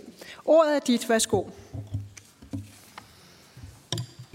Ja, præcis. Og tak for jer til, i Folketingets Sundhedsudvalg for at tage initiativ til den her høring. Øhm, først og fremmest tak for jer at se og mærke udfordringerne i psykiatrien og få det prioriteret her hen over det kommende år. Det ser vi meget frem til. Jeg vil starte med at sige, at når man er pårørende til et barn eller en ung med en spisforstyrrelse, så kommer man på dybt vand, og der er ikke mange livreddere. Der er mange ligheder mellem at få en fysisk og en psykisk sygdom ind i familien. Når et barn bliver sygt, så bliver familien ofte delt op i den, der tager sig af det syge barn, og den, der holder resten af familien kørende. Familien bliver udsat for et ekstremt tidspres og lige så ekstremt følelsesmæssigt pres. Så sker der det, når det er psykisk sygdom, at oveni så kommer mistænkeliggørelsen fra omgivelserne. Der er så meget skyld og skam forbundet med at være pårørende til en psykisk syg, ofte fra omgivelserne. Udsagn som, arbejdede du ikke også for meget, da hun var barn? Eller, I havde også mange konflikter i skilsmissen? Eller, særligt på vores område, du har jo også selv været kredsen, er noget af det, vi hører forældre til børn med en spiseforstyrrelse blive mødt med. Og så er der tavsheden. Psykisk sygdom bliver der ikke spurgt til, og det betyder, at vi skal være meget bedre til at få brudt tabuerne omkring psykisk sygdom. Et særkendt ved et barn under 18, der får en spisforstyrrelse, er, at man oftest som forældre i psykiatrien bliver en del af behandlingen. Familiebaseret terapi, også kendt som FBT, er en udbredt behandlingsform, og den har øh, gode resultater. Det øh, kan være en indlæggelse, det kan også være ambulant, og ofte en forventning om, at en forælder tager overlov og over, dermed overdrages daglig, dagligdagens ansvar for, at barnet spiser nok og tager nok på direkte ind i familien. Og det virker. Op mod 70 procent af børnene bliver symptomfri, men det har meget alvorlige konsekvenser for familien. Det bliver forældrene, der skal overvåge alle måltider, tage alle diskussioner med barnet om, at det skal spise, endeløse diskussioner, konflikter, skrig, gråd og angst. Det hele ligger i hjemmet. Det gør, man som forældre, og her citerer jeg nogle af de forældre, vi har kontakt med, ikke længere kun er omsorgsperson, men skal være både omsorgsperson og kaloriepoliti. Man er ikke et heller et fristed, man er overvåger og behandler. Vel at mærke op og slås med en kompetent spisforstyrrelse og et barn, der kan være ambivalent og i perioder, ambivalent og i perioder ikke ønsker at blive rask. Forældrene bliver spillet ud imod hinanden, maden bliver en krigszone, og hvis der er søskende, bliver de glemt eller trækker sig og tager ikke længere venner med hjem. Hvad siger forældrene så? De siger, jeg mistede min forældrerolle, jeg mistede måske kontakten til en søster, der ikke længere vil se os, vi fik ikke nok uddannelse og støtte. Vi manglede en akut bagvagt, der kunne komme ud i familien også en fredag aften, når det var aller værst, og det hele sejlede. Vores hjem blev en behandlingsinstitution. Så hvad kunne man så sige om familiebaseret terapi? Det virker jo for nogen, men ikke for alle. Og det forskes for lidt i andre behandlingsformer. Når vi vælger at bruge et så omfattende behandlingsregime med så store omkostninger for familien, så har vi også en forpligtelse til at eksperimentere og forske i, om der var andre behandlingsformer, der var lige så gode, i stedet for at læne os tilbage og sige, det her ser jo godt ud. Og hvis, det betyder jo også, at hvis man siger nej tak, så er det svært at få andre tilbud, og det har omfattende konsekvenser for familien, der har et berettiget krav på at få maksimal støtte i hjemmet til at håndtere familiebaseret terapi. Jeg vil gå videre til søskende, som i min optik er et overset kapitel, søskende som pårørende, og de kan være svære at hjælpe. Jeg vil gerne give et eksempel fra vores rådgivning. Det er et forældrepar, der har tvillinger. De starter i samme gymnasium i 1. G. De går i samme klasse. Efter efterårsferien og ny klassedeling, så begynder den ene af tvillingerne at kaste op efter hvert måltid. Hun taber sig, isolerer sig og begynder at træne hver dag. Den anden tvilling ville sådan set helst bare være fri for hende. I klassen og hjemme, der går alle spørgsmål på, hvordan søster har det. Alle aftensmåltider er anspændte og præget af opkast, som alle kan høre i den lille lejlighed. Tvilling 1 tager ikke længere sine venner hjem, fordi stemningen er dårlig, og den anden søster er jaloux over, at der kan komme veninder fra klassen. Vi har tidligere forsøgt med gruppetilbud til søskende til, på, øh, til pårørende som søskende, men det tiltrækker ikke søskende at skulle samles om noget, der igen handlede om en spisforstyrrelse. Så vi har brug for mulighederne for at kunne eksperimentere med andre former for, hvordan vi støtter søskende som pårørende. For de over 18-årige er en af de meget store udfordringer den manglende koordination mellem region og kommune. Der er alt for mange kommuner, der ikke har etableret og velfungerende samarbejdsaftaler med regionerne. Det betyder, at det er op til en ung og forældrene at søge den støtte, der er brug for, når en ung udskrives. Alt fra økonomi, studie, ensomhed, måltidsstøtte og fysisk sygdom efter spisforstyrrelsen står familien med. Mange med en spisforstyrrelse udskrives jo ikke til et botilbud, men til familien eller egen bolig. Og dermed får kommunen ikke automatisk besked, hvis der ikke er en igangsat ydelse. Der mangler koordinatorer, og det kunne være øh, i virkeligheden øh, som på kraftområdet, hvor der er kommunale koordinatorer, der opsøger under indlæggelsen den syge og får etableret en kontakt allerede der. En anden mulighed vil være, at anbefalingerne for rehabilitering på spisforstyrrelser blev ændret fra at være anbefalinger til at blive en pligt og en rettighed. Dermed havde man en adgang til at få banket på og få åbnet døren i kommunerne. Som pårørende, både til børn, unge og voksne med en psykisk lidelse, står man med alt for mange opgaver. Men alt står og falder med, at der er behandlingstilbud uden lang ventetid. Og der vil jeg gerne sige, lige nu er særlig pårørende til mennesker, med tvangsoverspisning, eller det, der også er kendt som BED, står i en fuldstændig urimelig og uafklaret situation. Der er lige nu ingen tilbud uden egenbetaling, og der er ingen svar på, hvornår der bliver etableret offentlige behandlingstilbud. 40.000 mennesker er ramt af BED i Danmark lige nu. De er stærkt forpinte, de har behov, de har ønsker om hjælp. Vi ved, at der er rigtig gode resultater, når de får tilbudt behandling, men de har ingen steder at gå hen og deres pårørende kimer os ned. De ringer selv til os i en uendelighed for øjeblikket, og vi kan ikke sige andet end, at det ved vi ikke. Vores tilbud lukker nu. De puljer, der var til det, løber ud, og der er ingen steder at vise dem hen. Jeg vil gerne slutte med at appellere til, at pårørende kommer i centrum for de kommende forhandlinger om 10-årsplanen, og at det, man måske lidt fræk kunne kalde Bermuda-trekanten mellem region og kommune, analyseres grundigt med målet om at gøre den mindre, måske så lille som muligt. Lige nu hører vi alt for ofte om, at det bliver patienten med spiseforstyrrelse, der selv skal finde vej gennem kommunen til hjælp. Tusind tak, Leila, for indlægget her, som jo på mange måder også i tale sætter, hvad skal man sige, ting som øh, den øh, boldgade, hvor Tommy også var nede netop omkring søskende og omkring det her med, hvad sker der, når man fylder 18, øh, som jo kan være, hvad skal man sige, et, et, en svær brudflade, når man overgår fra at være ung og til pludselig at være voksen og selvstændig. Trine Torp, Socialistisk Folkeparti, du har øh, et spørgsmål til Leila, værsgo. Ja, det er fordi, jeg synes, at, øh, at du fortæller øh, meget tydeligt det dilemma, der er med det her med familiebaseret øh, terapi, og så siger du, det viser gode resultater. I, øh, og det, og der, det, med det tror jeg, at, at, at du mener, at øh, det dæmper symptomerne, fordi på den anden side siger du også, at det har nogle kæmpestore omkostninger, så hvad er egentlig resultatet? Og så efterspørger du alternativer. Ved I noget om, hvad for nogle alternativer det kunne være, I ønskede jer? Altså er der noget øh, fra udlandet, eller noget, hvor man kan sige, jamen, øh, det, altså fordi du siger, det kunne man forske i, men er der nogle, nogle øh, begyndende tegn på, at, at, man, øh, at man gør noget andet andre steder? Altså, tak, Trine. Øh, og Leila, værsgo. og tak for spørgsmålet. Det vi ved, det er, at der er nogle af afdelingerne for spisforstyrrelse i Danmark lige nu, der begynder at undersøge, hvad det er for nogle familier, der ikke har glæde og gavn af den her terapiform. Det er jo stadigvæk 30 procent, hvor man må sige, at det ikke lykkes. Så det er jo en, stadigvæk en meget stor andel, der ikke får dæmpet symptomerne.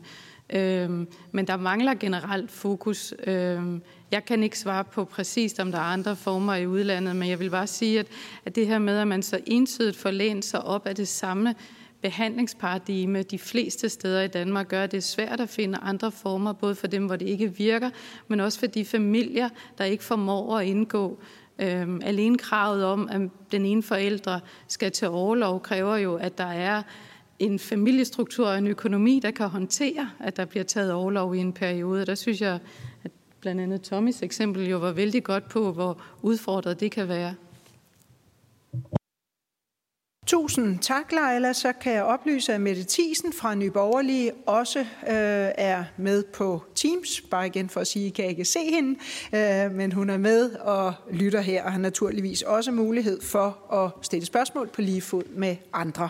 Så er vi nået til dagens sidste oplægsholder, og det er dig, Jimmy Eli Graversen. Du er medlem af Landsbestyrelsen for Sind Ungdom, og dit oplæg har titlen Hvad skete der med mor, om det pludselig er blevet pårørende som barn? Og ordet er dit, Jimmy. Værsgo.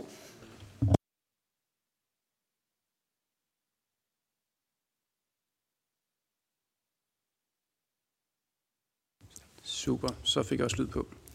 Jeg vil gerne starte med lige at sige, at jeg er imponeret over Tommy, der brugte sin egen case, og øh, undgået at blive alt for berørt. Det kan jeg ikke love, at det er samme tilfælde her, da det også er en meget personlig case, som jeg kommer til at fortælle. Jeg er opvokset med en svært psykisk syg mor, men jeg er alligevel ret heldig, fordi jeg er i den ene halvdel, fordi den er cirka 50-50, som ikke selv har udviklet en diagnose. Det har jeg nok ikke, fordi jeg har haft en rigtig god barndom. Jeg har haft nogle forældre, som igennem hele min barndom har snakket sammen og har lavet aftaler og har skånet mig for de værste oplevelser af bedste evne.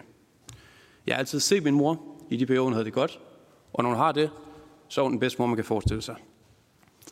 Min far fortalte mig, at sygdomstegnene begyndte i det små, da jeg var fire år gammel.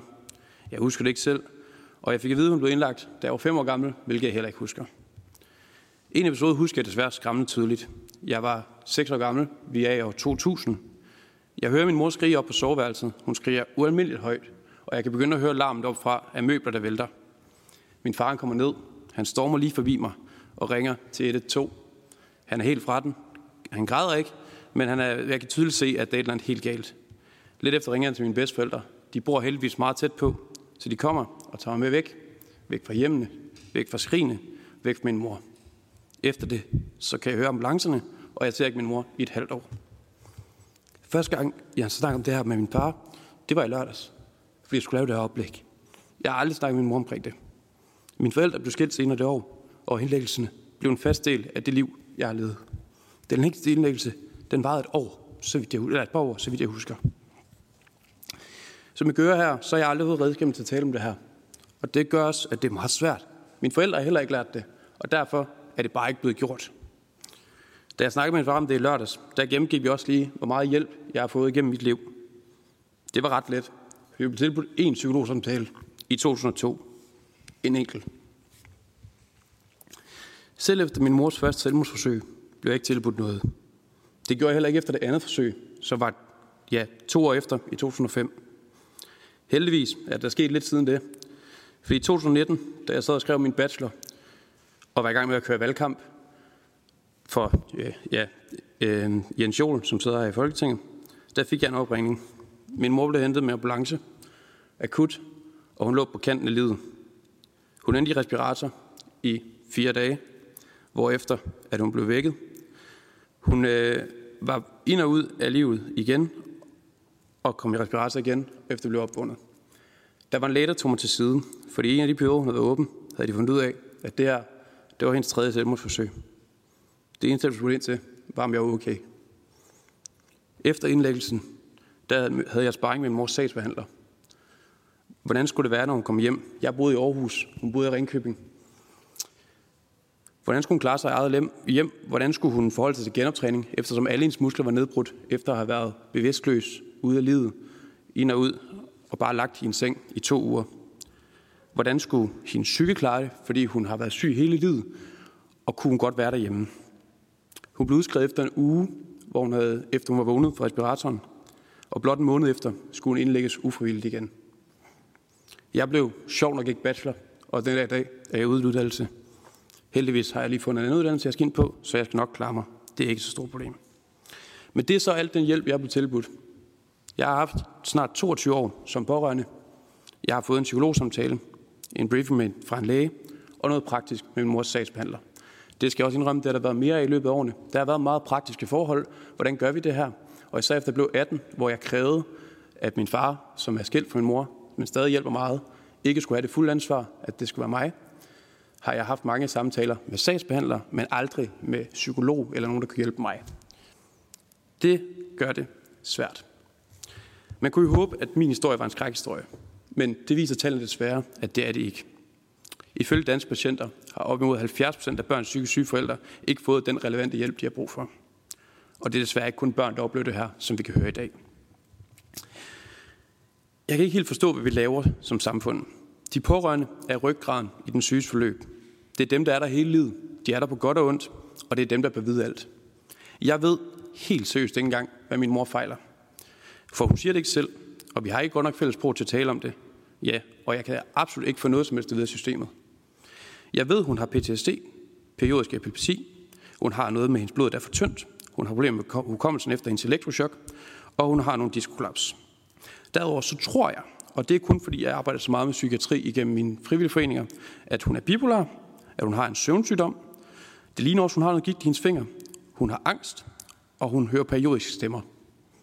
Men jeg ved det seriøst ikke. Altså, hvordan skal jeg nogensinde kunne være der og støtte min mor, hvis jeg ikke engang ved, hvad hun fejler? Det kan jeg simpelthen ikke svare på. Så vil I ikke please sørge for, at der ikke er nogen, der skal opleve det samme, som jeg har oplevet i mit liv? Der har været nogle gode løsningsforslag til pårørende mentorer, og jeg ved også, at der er sket noget, siden at jeg var barn i 2000. Men jeg ved også, at der ikke er sket nok, og det kan jeg også høre på de løsningsforslag, der er. Fordi pårørende vejledere, pårørende grupper osv., det snakkede man jo allerede om dengang, og jeg har aldrig blevet tilbudt det, og det kan jeg simpelthen ikke forstå. Vigtigst af alt, så vil jeg gerne tilføje, at der skal også være noget hjælp til at, at snakke sammen pårørende i familien.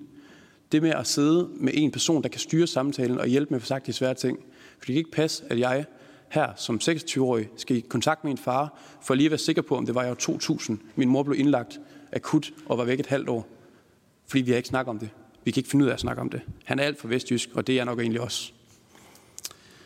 Og så vigtigst af alt, så skal det simpelthen være en ambition at reducere de 70% af børn, der kan få relevant hjælp. Og vi er ikke noget i mål, før det tal hedder 0. Tak fordi jeg må få ordet. Tusind tak, Jimmy, for at du vil bidrage her med jo en meget personlig historie. Og jeg vil egentlig også sige tak, fordi du har øh, modet til at stille dig frem og fortælle om, øh, hvor turbulent hverdagen øh, kan være, øh, når man er pårørende til et menneske, som har en psykisk sygdom eller en psykisk øh, sårbarhed. Det fortjener du virkelig øh, kæmpestor respekt for. Øh, det jeg hører, det er sådan set både når jeg hører øh, Leila tale om, at man er på dybt vand som pårørende, når jeg hører Tommy sige, at øh, det er et umenneskeligt livsvilkår at være pårørende. Og når jeg hører din personlige fortælling, så er jeg slet ikke i tvivl om, at der er en rød tråd. Og det passer måske meget godt med det, som du indledte med at sige, Lars, nemlig, der er plads til forbedring. Og øh, inden vi går til pause, så vil jeg lige spørge mine kollegaer her, om øh, der er opklarende spørgsmål. Det ved jeg, Trine Torp fra Socialistisk Folkeparti har, og hvis der er andre, øh, som har opklarende spørgsmål til Jimmy, øh, så er det om at melde sig nu. Og velkommen til Camilla Fabricius også. Øh, hvis du har noget, skal du selvfølgelig også bare melde dig. Trine Torp først, værsgo. Jamen, jeg vil også bare sige uh, tusind tak. Uh, og hvis det er at være vestjysk, så er det ikke så ringe endda. Uh, men, men det, jeg gerne vil høre dig om, det er, at jeg synes, at du beskriver meget godt det der med behovet for både nogen, der talte med dig, men også nogen, der hjalp jer med at tale sammen som, forældre, uh, som familie omkring det, der skete. Hvis du sådan skal spole tilbage i dit liv på, hvor, hvor der havde været nogle oplagte uh, muligheder for at gøre det, uh, hvor skulle det have været så? Og hvem skulle have gjort det? Altså var der nogen, var det, var det, din, var det over i din skole, var det, var det hospitalet, var det jeres egen læge, eller hvem, hvem, hvem kunne du godt have haft tænkt dig, der ligesom tog initiativet øh, til at gøre det? Jimmy, inden du svarer, så vil jeg lige øh, give ordet også til Karina Adspøl, og så bede om at svare samlet på begge spørgsmål. Karina Adspøl, Dansk Folkeparti, værsgo. Ja, øh, tusind tak for en stærk beretning. Jeg kunne godt tænke mig at høre, øh, Jimmy, fordi nu sidder jeg jo øh, nu sidder jeg som socialordfører, men jeg sidder jo også og tænker på, øh, når du har berettet om, omkring din fortælling i forhold til faktisk, hvordan du blev svigtet af systemet, fordi hvor var skolen? Altså, altså hvor var... Øh, at der altså ikke nogen, der har set øh, dig øh, i, i hele det her. Så det er lidt ligesom øh, i forhold til det, Trine spørger om, altså hvordan, hvis vi nu, hvordan kunne det hjælpe dig aller, aller bedst? Øh, jeg, tager, jeg har noteret det ned i forhold til det med også at håndtere det, at man skal tale sammen i en familie, som kan være rigtig, rigtig svært. Øh, det at tale om følelser og hvad det er.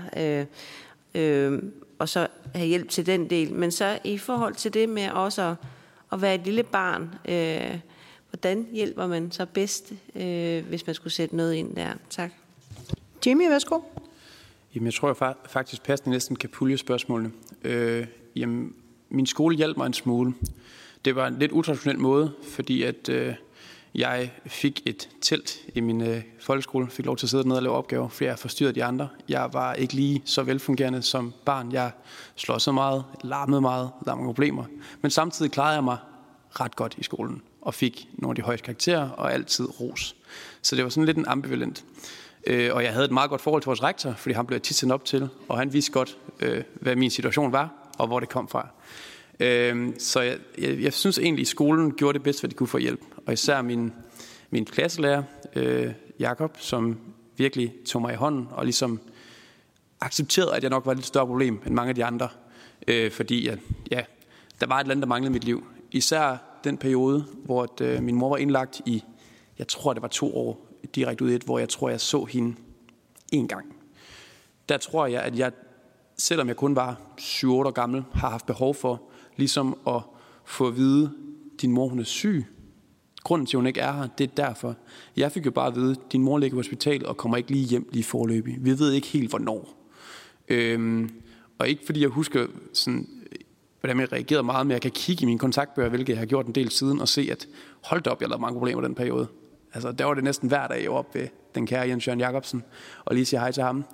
Øh, og jeg tror, at, at det, det er enten i skolen, eller i hvert fald nogle tillidspersoner, man skal have fat i. Fordi jeg kan huske den psykolog, som talte i 2002, der sagde min far, at da jeg var kommet hjem fra den, sagde at det har ikke været særlig sjovt. Øhm, og det er jo som seksårig vel meget naturligt at tænke, eller otteårig var jeg vel, at det var ikke særlig rart at snakke om mine følelser. Og så var det ligesom bare blevet anerkendt som, det skal han ikke gøre igen, for det var ikke rart. Og der må man jo skulle kunne holde fast. Altså, der er en fagperson, der er med, og måske skulle det have været min klasselærer, der havde været med måske, eller det skulle have været en person, jeg kendte. Øhm, min far var der selvfølgelig også, men han gjorde det faktisk det kun sværere, fordi at han, jeg tror, selvom jeg var 8, havde jeg intelligens nok til sådan at tænke, han prøver alt, hvad han kan for at hjælpe mig. Og så var det måske svært at sige til psykologen, hvad jeg egentlig følte, fordi at jeg skulle også passe på min far agtigt For han var jo også ny det her. Han havde ikke prøvet at være pårørende før. Og jeg kunne også forestille mig, at han kunne fortælle nogle sjove historier om, hvor hårdt det egentlig er. Men det skal jeg nok også øve mig i at snakke med ham om på et eller andet tidspunkt. Tusind tak. Nu har vi hørt alle oplæg, alle indlæg. Vi har været lidt oppe i helikopteren, og vi har også været helt herinde, hvor det gør rigtig ondt. Jeg vil starte med at sige øh, tak for nogle rigtig gode og informative, meget forskellige øh, oplæg. Og det giver hver især jeres oplæg jo et rigtig godt, hvad skal man sige, afsæt til den øh, dialog og den debat, som vi skal have lidt senere. Men nu her, der skal vi altså lige trække vejret. Vi skal have en pause, øh, 20 minutters pause til 11.20 mødes vi her igen præcist. Og til jer, der er her i lokalet, der vil jeg sige, at udenfor her, der er øh, en kop kaffe eller en kop varm te. Øh, man kan, man kan, kan varme sig lidt på, inden vi starter igen her 11.20.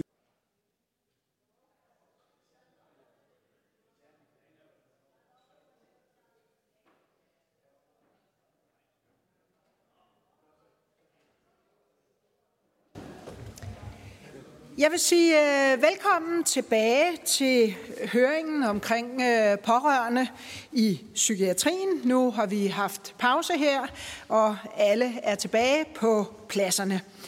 Det vi gør nu, det er, at vi går direkte til spørgsmål fra øh, udvalgets medlemmer til panelet her. Jeg vil henstille til, at man adresserer sit spørgsmål enten til en eller flere oplægsholdere. Det betyder jo ikke, at andre oplægsholdere ikke må bidrage med svar. Øh, hvis man har noget at byde ind med, det er man selvfølgelig velkommen til, men jeg bare opfordrer til, at man i første omgang i hvert fald lige adresserer sit spørgsmål. Og herefter vil der også være mulighed for, hvis vi har tid til det, til at tilhørende her i salen kan stille spørgsmål til, øh, til panelet. Så jeg vil starte med at åbne for talerlisten og spørge mine kollegaer, om øh, der er spørgsmål til panelet. Og der er der øh, først fra Per Larsen fra det konservative Folkeparti, og herefter fra Trine Torp fra Socialistisk Folkeparti. Og jeg foreslår, at vi tager øh, i blokke af to øh, spørgere, øh, og herefter svar. Per Larsen, først. Værsgo. Ja, tak for det. Øhm, der er jo slet, slet ingen tvivl om, at pårørende er jo en vigtig, vigtig ressource i, øh, i, øh, i forhold til øh, psykisk sygdom. Og derfor skal det selvfølgelig også bringes i anvendelse så godt, som det nu overhovedet kan lade sig gøre. Og vi har jo i al den tid, jeg kan huske tilbage, talt om, at psykiatri øh, og psykisk sygdom skulle have samme øh, status som somatisk sygdom. Og der kan man måske godt øh, tage lidt ved lære af nogle af de ting, som så foregår. Vi ved jo, at øh, der er nogle steder, hvor man eksempelvis har et godt samarbejde kommunerne og hospitalerne imellem, hvor at uh, kommunerne de har det, vi kalder fremskudt visitation, sådan så når nu at der er en patient øh, fra øh, kommunen, som er indlagt på hospitalet, så har man faktisk meget godt sådan hands on i forhold til, hvordan det er forløbet her, hvad sker der, hvornår kan vi forvente, at patienten måske bliver udskrevet, og hvad er det så, vi skal stille op med. Og der tænker jeg jo lidt øh, i forhold til, øh, kunne man, og det er så lidt til kommuner og regioner, altså kunne man lave noget øh, ala det, i forhold til at følge, altså sådan lidt en ankerfunktion øh, i forhold til, øh, når der er en, en, en psykisk syg, øh, som øh, kan have lidt, lidt øh, eller ligesom kan, kan være en smule ansvarlig for, at, øh, at man ved, hvad der foregår. Er, er der nogle øh, pårørende her? Har de behov for nogle tilbud? Øh, er der noget, som, som vi kan være behjælpelige med øh, i forhold til pårørende grupper og i forhold til øh, altså simpelthen lige øh, være behjælpelig i nogle situationer? Øh, fordi det er jo det, øh, vi skal til at, at have øh, kørt på plads i forhold til en ny psykiatriplan. Det er jo nogle bedre løsninger, sådan så vi, vi sikrer, at øh, vi får en højere kvalitet, og vi får, at der ikke går noget tabt fremadrettet. Ja, jeg ved ikke, det er det, er det, det offentlige. Tak til dig, Per. Så er det Trine Torp. Værsgo. Jamen tak for det. Jeg ved faktisk ikke, hvem jeg skal adressere det til, men det er fordi, jeg synes, der er sådan et, et, øh, et dilemma i det her, fordi Øh, nu har vi jo selv sat titlen på det her, at det er pårørende i psykiatrien, men, men der hvor jeg synes, at, at øh, dilemmaet og måske også problemerne opstår, det er, at normalt går vi jo ikke rundt og omtaler øh, os selv og vores familie som pårørende. Altså, det er først i det øjeblik, man bliver indlagt, så øh, opløses en familie eller bliver delt op i en patient, og så de pårørende. Øhm, øh, og, og måske er det noget af det, der går tabt der. Altså, at vi i virkeligheden glemmer, at vores liv er jo præget af altså relationer, der er filtreret ind i hinanden på, øh, på, øh, på godt og på ondt jo. Altså, øh, og at, øh, at, at flere af jer siger det her med, at enten så får man en rolle som ressource, som kan blive alt for overbelastende, altså, øh, og som man slet ikke er klar på, og som slet ikke er en naturlig del af den relation, øh, man har øh, med, med, med, med sin, sin nærmeste der. Eller også så bliver man, som nogle af jer fortæller om, nærmest sådan lidt overset eller hægtet af, som om man ikke eksisterer. Altså, så der, der sker et eller andet, jeg ved ikke, mit, det er bare en refleksion, øh, og måske vil I være med til at tænke over det, men det der med, jamen, øh, er der et eller andet med, at, at vores sundhedsvæsen også på en eller anden måde får individualiseret os som mennesker, og det er bare ikke sådan, det almindelige hele liv er. Der, er, der er vi ikke, eksisterer vi ikke som et, et enkelt individ. Vi eksisterer nærmest kun i kraft af de relationer, vi indgår i. Tusind tak, Trine. Der var i hvert fald øh, helt konkret spørgsmål øh, fra Per til Lars og Jakob, øh, og så har øh, Leila og Mads budt ind i forhold til svar på Trines spørgsmål, og I andre er naturligvis også velkommen. Der Jimmy også. Jeg tror, vi laver sådan en fuld plade lige om lidt, øh, så man kan byde ind, og du adresserer det jo heller ikke på den måde til, øh, til en bestemt. Men jeg vil starte med at give ordet til dig, Lars, og herefter Jakob til at besvare Pers spørgsmål i første omgang. Værsgo. Tak. Jamen, det er et godt spørgsmål, Per. Jeg tror, det, jeg tror, det vigtige, som vi kan sige her i dag, det er jo, at som jeg prøvede at sige i min indledning, altså der, der er allerede en række gode tiltag rundt i, i flere regionerne, og øh, faktisk her senere, eller øh, næste uge, der skal jeg faktisk til Aalborg og besøge øh, og, og opleve øh, Center for Pårørende, som, øh, som fungerer rigtig godt. Og de har jo en bred vifte af tilbud og, og samarbejder øh, omkring og inddragelse af pårørende, så det skal jeg op og kigge noget mere på. For jeg tror, at øh, jeg tror, vi er nødt til at finde de gode eksempler, hvor vi har dem rundt i landet, og så prøve at få dem løftet op. Øh, og øh, derfor så springer jeg selvfølgelig også til, at den 10-årsplan for psykiatri, som vi, som vi venter på, øh, der er det jo også rigtig vigtigt, når, når I skal forhandle den, at, øh, at det her med de pårørende, det kommer ind og får et, et tydeligt og markant øh, afsnit, og øh, selvfølgelig også som regionsrådsformand, så må jeg også sige også, at øh, meget gerne, at der følger nogle midler med også, øh, så vi kan realisere det, når det kommer ud til regioner og kommuner. Øh, så jeg tror egentlig i virkeligheden, det væsentlige er at sige, at det her det er så vigtigt, og vi, altså vi gør det ikke godt nok i dag. Og derfor så er vi nødt til at prøve at lære hinanden og prøve at løfte op, og nok også måske systematisere lidt bedre, end, øh, end vi har gjort til nu. Øhm, du er selv ind på det. Der har været et historisk efterslæb med, at somatikken og, og psykiatrien ikke har været ligestillet. Og, øh, og det kæmper vi på. Og der er jo også kommet midler i de senere år. Vi er ikke i mål, og det er også derfor, der er brug for en 10-årsplan. Men jeg synes, der er en god øh, bevægelse i det politiske landskab på tværs af partier osv. Øh, nu, skal vi, nu skal vi bare komme i mål, hvis man kan sige det på den måde. Tak. Tak for det, Lars. Og nu bringer du det lige op, at når vi skal forhandle en 10-årsplan, bare hvis der er nogen, der sidder derude og kigger med og tænker, hvornår er det Folketinget skal forhandle om den her 10-årsplan. Som det ser ud lige nu, så er, øh, så vidt som jeg er orienteret i hvert fald, så er situationen den, at man i Social- og Ældreministeriet er i gang med at lave et fagligt oplæg. Man er også over hos Sundhedsministeren i gang med at lave et fagligt oplæg. Man forventer, at de faglige oplæg er færdige ultimo 2021, og sådan som jeg har forstået den seneste melding fra Sundhedsministeren, så kan vi forvente at at øh, kunne sætte os omkring forhandlingsbordet primo 2022. Så bare lige for at tegne rammen op, så øh, alle er nogenlunde klar på, øh, hvad er, øh, hvad kan man øh, forvente. Øh, og det gode det er, at vi er jo i rigtig god tid i forhold til at diskutere, øh, hvad er det, der kunne give mening at have med i en øh, psykiatrihandlingsplan. Øh, og så er det dig, Jacob. Værsgo. Tak for det, formand. Øh, og tak øh, for spørgsmålet, Pia. Øh, og jeg er enig i, at øh, fremskudt visitation, det er jo noget af det, som vi har set på det somatiske område, kan fungere. Jeg vil også gerne igen pege på, på den erfaring, vi har i Næstved, hvor vi har lavet en integreret psykiatri. Vi flyttede sammen under samme tag. Jeg er nok meget optaget af, at den erfaring, at der, hvor jeg synes, det virker godt, overgangene mellem psykiatri og kommune mellem sygehus og kommune. Det, det er der, hvor der er øh, et kendskab til hinanden. Man er tæt på hinanden. Øh, man, man, øh, man har et kollegaskab med hinanden. Øh, og det er rigtig svært øh, med en stor øh, region og, øh, og store kommuner også at få, få etableret det. Men, men det er tit det der, hvor man ikke bare tænker i automatik og i, øh, at øh, nu har vi gjort det, vi skulle, øh, men at man ikke slipper borgeren før man ved, at øh, min kollega øh, Åse i kommunen har overtaget nu. Øh, det er der, det går rigtig godt. Og det kan gøres ved fremskudt visitation. Det kan også gøres på andre måder, som vi har erfaring med. I Silkeborg er der øh, Psykiatriens Hus som et rigtig godt eksempel også. Øh, men, men, men jeg tænker nok, at det helt øh, grundlæggende, vi skal have med, det er det der med, det er kendskabet til hinanden øh, og være tæt på hinanden. Og der tror jeg altså, at der er nogle der er nogle gevinster for os at, at, at hente, hvis vi kan formå øh, at bringe psykiatri og kommune tættere på hinanden i den handleplan, som, som forhåbentlig kommer om kort tid.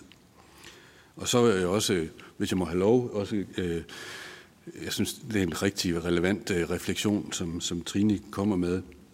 Og jeg er nok øh, sådan en øh, socialdirektør, der tænker, jeg glæder mig virkelig til at se den helhedslov, fordi det giver så meget mening. Øh, vi er så mange kommuner, der prøver at arbejde med hele familien nu. Øh, hele familien kan ikke være et juridisk begreb af, af gode grunde, men, men, men vi er relationer, der indgår med hinanden. Og i det eksempel, jeg havde med, der var der jo pårørende, der faktisk påtog sig for meget, og vi prøvede at aflaste dem fra kommunens side. Så vi bliver nødt til hele tiden at skulle afstemme øh, i virkeligheden. Vi kan ikke bare gøre det én gang. Derfor kan jeg jo godt lide øh, den tankegang, som også var i den case, jeg havde med, at, at Naja i Næstved, hun, hun ved, hun har en relation til en sygeplejerske, som hun altid lige kan snakke med. Øh, og så kan det, det være, at den sygeplejerske ikke kan hjælpe med det relevante spørgsmål, men i hvert fald guide Naja videre til dem, hun så skal snakke med. Det kan også være frivillige foreninger, som hun også skal være opmærksom på. Øh, så det er den der relation, der også kan udvikle sig, behovet, der kan udvikle sig, og ens ressourcer og kapacitet, der også kan udvikle sig. Så det, det er den der, øh, på den måde er det jo ikke en blindtarmsbetændelse, der har et forløb fra A til B. Det her det er ind og ud af behandlingstilbud, ind og ud af kommunale tilbud, og det er relationer i familien, som går op og går ned, som du siger. Det er det, vi skal kunne rumme i den løsning, vi skal kunne finde. Så det er en, jeg er meget enig i den refleksion. Tak til dig, Jakob, for også at kommentere på Trines øh, refleksioner. Der er jo flere, der har budt ind på det. Øh, og jeg vil tillade mig at sige, at det er damerne først. Så vi starter nede ved dig, Leila. Værsgo. Øhm, der er mange fordele ved at være dame. tak skal du have. Øhm, jeg vil starte med at citere en, øh, jeg engang hørte, som sagde, jeg vil simpelthen ikke kaldes pårørende mere, jeg er hendes mand. altså, selve den øh, samlekategori, vi får lavet mellem venner og søskende og forældre og kærester og ægtefæller, som vi så putter i en kasse, der hedder pårørende, og betragter dem øh, virkelig også nogle gange distanceret som en ressource, eller altså hele det, vi, vi får sådan et øh, sygehusbrug omkring øh, hele netværket. Og der tror jeg, at, at, det, vi, at hvis vi kunne prøve at lave det, jeg tror måske også lidt, det er lidt det, du lægger op til, at skifte ind i at sige, hvad er det allervigtigste i en, i en menneskes liv? Det er jo at have et tætte omkring sig. Og hvordan sikrer vi os, når du er blevet psykisk syg, også i en længere periode, at du stadigvæk har mennesker omkring dig, der kan holde til at være omkring dig. Det kræver, at vi bliver bedre til at uddanne. Øhm, det kræver, at vi bliver bedre til at fastholde netværket. Og det kræver, at vi også er med til i de, de perioder af det levede liv, hvor man ikke er indlagt, at man aktivt opbygger netværk, fastholder gamle netværk og hjælper den, der er ramt af psykisk sygdom med at få nyt netværk og måske et andet netværk. Altså, fordi hvis der er noget, der er øh, jo øh, hjerteskærende forfærdeligt for os alle sammen, og svært at håndtere, også øh, har øh, negativ indflydelse på, hvor lang tid vi lever, så er det jo ensomhed og psykisk syge har rigtig meget ensomhed omkring sig. Så vil jeg tillade mig at lade, som om jeg også er en offentlig dame, og sige, at øh, jeg vil rigtig gerne øh, opfordre til, at der bliver set på det her med den fremskudte visitation. Altså jeg har jo tænkt, at man kunne have en psykiatrikoordinator i alle kommuner, som rakt hånden ud under indlæggelsen. Noget af det, der er helt sikkert, det er, når man bliver udskrevet efter, uanset om det har været en ambulant behandling eller en indlæggelse med en spisforstyrrelse, så er man ikke rask når man bliver udskrevet. Man har taget lige præcis nok på og har fået terapi nok til at kunne håndtere en dagligdag uden en indlæggelse. Men man har brug for måltidsstøtte, man har brug for, at der bliver opbygget netværk omkring en, man har oftest brug for økonomisk hjælp, og man har brug for hjælp til at komme i gang igen med studie eller arbejde. Hvis det tager 6, 8, 10 uger, som vi hørte ofte gøre, før kommunen er på plads, så har man, specielt på vores område, tabt sig så meget i den frustration og ambivalens, der er, når man bliver udskrevet, uden at støttesystemet er klar, så genindlæggelsen ligger alt for tæt på i den anden side. Og jeg er overbevist om, at du kunne spares mange genindlæggelser, hvis der var en fuldstændig tæt taler vi nogle gange om sømløs. Jeg vil sige, at det skulle helst være med lynlås, som er lynet helt til mellem region og kommune i overgangene. Det er der, farerne ligger, i hvert fald på vores område. Det er der, hvor man bliver rigtig bekymret, når man bliver udskrevet, og det er der, hvor familien bliver rigtig bekymret. Tak, Leila. Så har Mads bedt om ordet. Værsgo. Jeg er jo meget enig med den ærede foregående taler, som man sagde i gamle dage herinde. Øh, I forhold til det her med at rumme dilemmaet i det, så synes jeg, at man for det første skal huske på, at det at være pårørende er jo ikke et selvdefineret noget, man har taget på sig. Det er noget, en omstændighed har pålagt en. Og det skal man bare lige huske at være skarp på, så det ikke drukner i filosofiske overvejelser om, hvad det ellers kunne have heddet. Og jeg tænker jo i virkeligheden, at når man bliver pålagt det her, der følger nogle opgaver med, der følger nogle forpligtelser med, så må der også være en tydelig anerkendelse af, at pårørende forpligtelsen fyldes af nogle rettigheder og nogle muligheder. Så jeg synes, vi skal lige før vi ligesom får begrebet til at, at falde for meget sammen, så skal vi også lige huske på, at det jo også er en understøttelse af anerkendelsen af, hvad det er at være pårørende. Så er jeg så med på, at det kan være meget forskelligt. Og jeg synes jo, en af de udfordringer, vi kan have, det er, som du siger, Trine, vi skal i virkeligheden både kunne rumme øh, det, at man skal tage hensyn til den enkelte og se på, hvad muligheden er. Men man skal også kunne tage hensyn til, at det skal fungere i en familie, der er jo ikke nødvendigvis altid er konfliktfri, ud over i øvrigt, at man har psykisk sygdom tæt på. Altså, jeg tænker, hvis jeg tænker på min egen familie og det pårørende forhold, der er der, jamen der lå der nogle konflikter i forvejen der, som gjorde, at det absolut ikke blev nemmere at tale om psykiatri i den sammenhæng, når den så kom på besøg. Så det skal man altså også lige kunne rumme i det her. Det er derfor, jeg tænker, Jimmy har egentlig en rigtig god pointe i, at der skal være nogen, som kan bygge bro over de der modsætninger, i stedet for at vi prøver at at opløse dem ved at blive alt for undskyld udtryk. Vi må ikke blive for filosofisk omkring det her, fordi det er jo, altså, for de fleste er det, er det et meget konkret og meget krævende forhold, det her går ud på. Ikke? Tusind tak, Mads. Så har Jimmy bedt om ordet. Værsgo. Jo, tak. Jeg vil simpelthen være så øh, flabet og faktisk udvide din refleksion til endnu et dilemma. Fordi at, som det er lige nu, så er det den syge selv, der vælger sin pårørende. Det er den syge selv, der vælger, øh, hvorvidt om en anden person skal vide, hvad der sker. Og det fra et politikersynspunkt kan jeg godt se pointen med, fordi det giver bedst mening sådan i forhold til sikkerhed for den enkelte. Men er den syge egentlig i stand til selv at vælge den pårørende?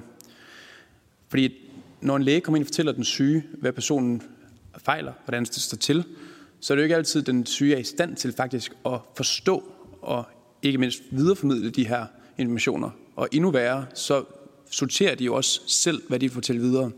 I mit eget konkrete tilfælde, der er det jo min mor, og jeg går ud fra, at der er nogle andre end der også er mor, og den fornemmeste opgave som mor, det er at være mor.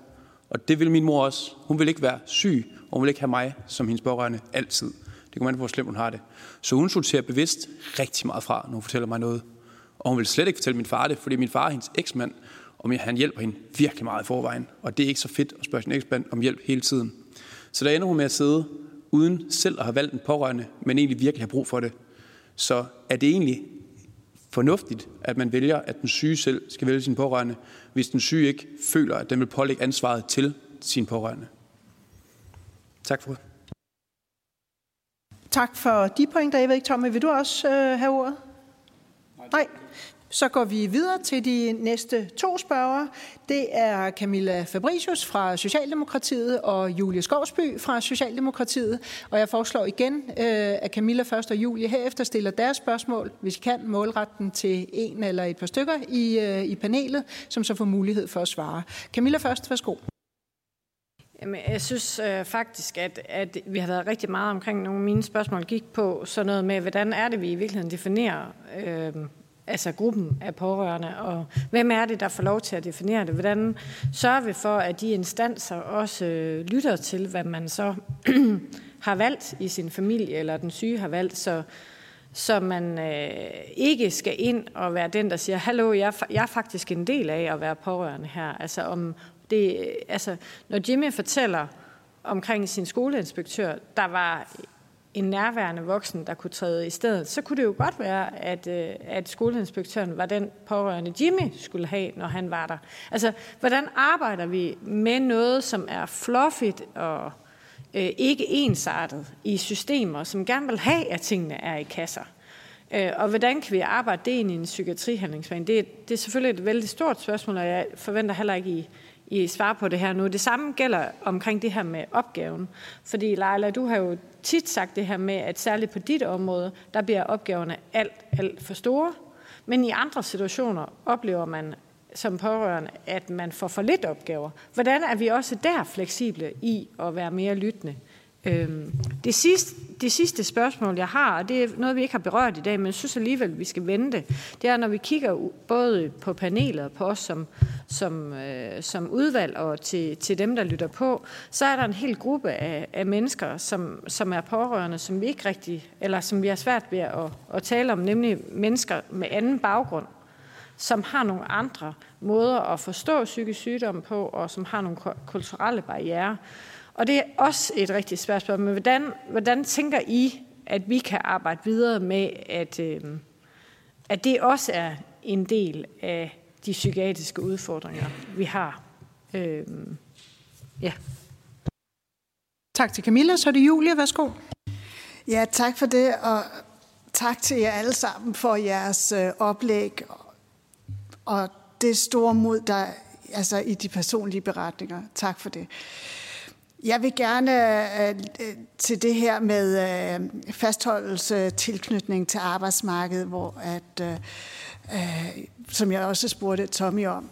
Altså fordi det her med at være øh, selvstændig, erhvervsdrivende, faglært, ja det er jo altså det er jo noget, vi har brug for. Altså om det er ægtefælder, de øh, forældre, øh, voksne børn, vi har brug for alle øh, på vores øh, arbejdsmarked og i vores samfund. Um, så uh, jeg skal målrette spørgsmålet, og, uh, og det er faktisk til dig, Jakob, uh, i forhold til uh, beskæftigelsesforvaltningerne ude i kommunerne. Uh, kan du give et budskab med til os som lovgiver herinde?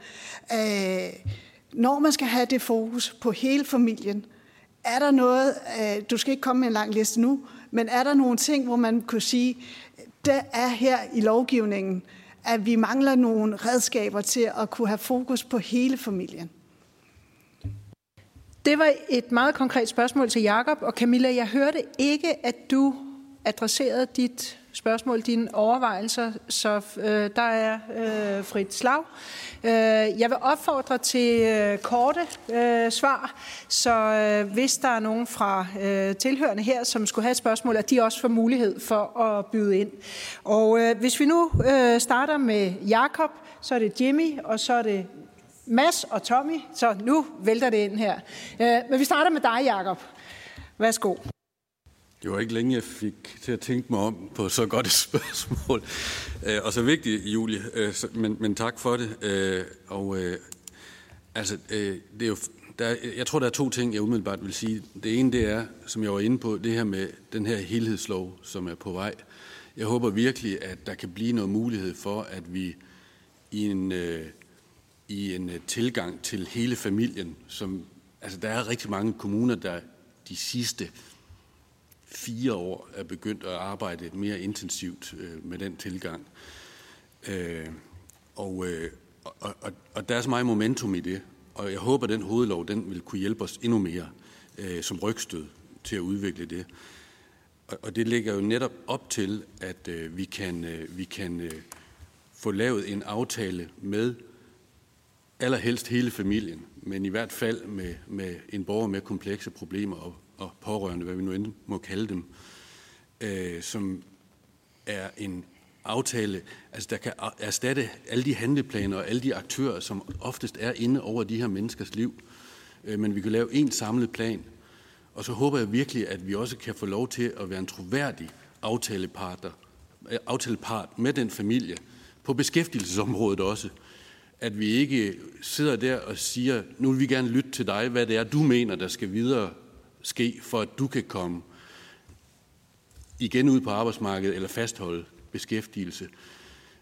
Og så vil vi i næste moment blive nødt til at sige, men der er jo lige ret og pligtbestemmelserne, så du skal møde her om øh, 14 dage til en samtale. Eller du skal ud i det her aktiveringstilbud, vi skal give dig et tilbud. Altså, kunne man vise den tillid til vores medarbejdere, at de kan magte den relation? Jeg tror, der skal kompetenceudvikling til det, har vi været inde øh, på øh, flere af os i dag.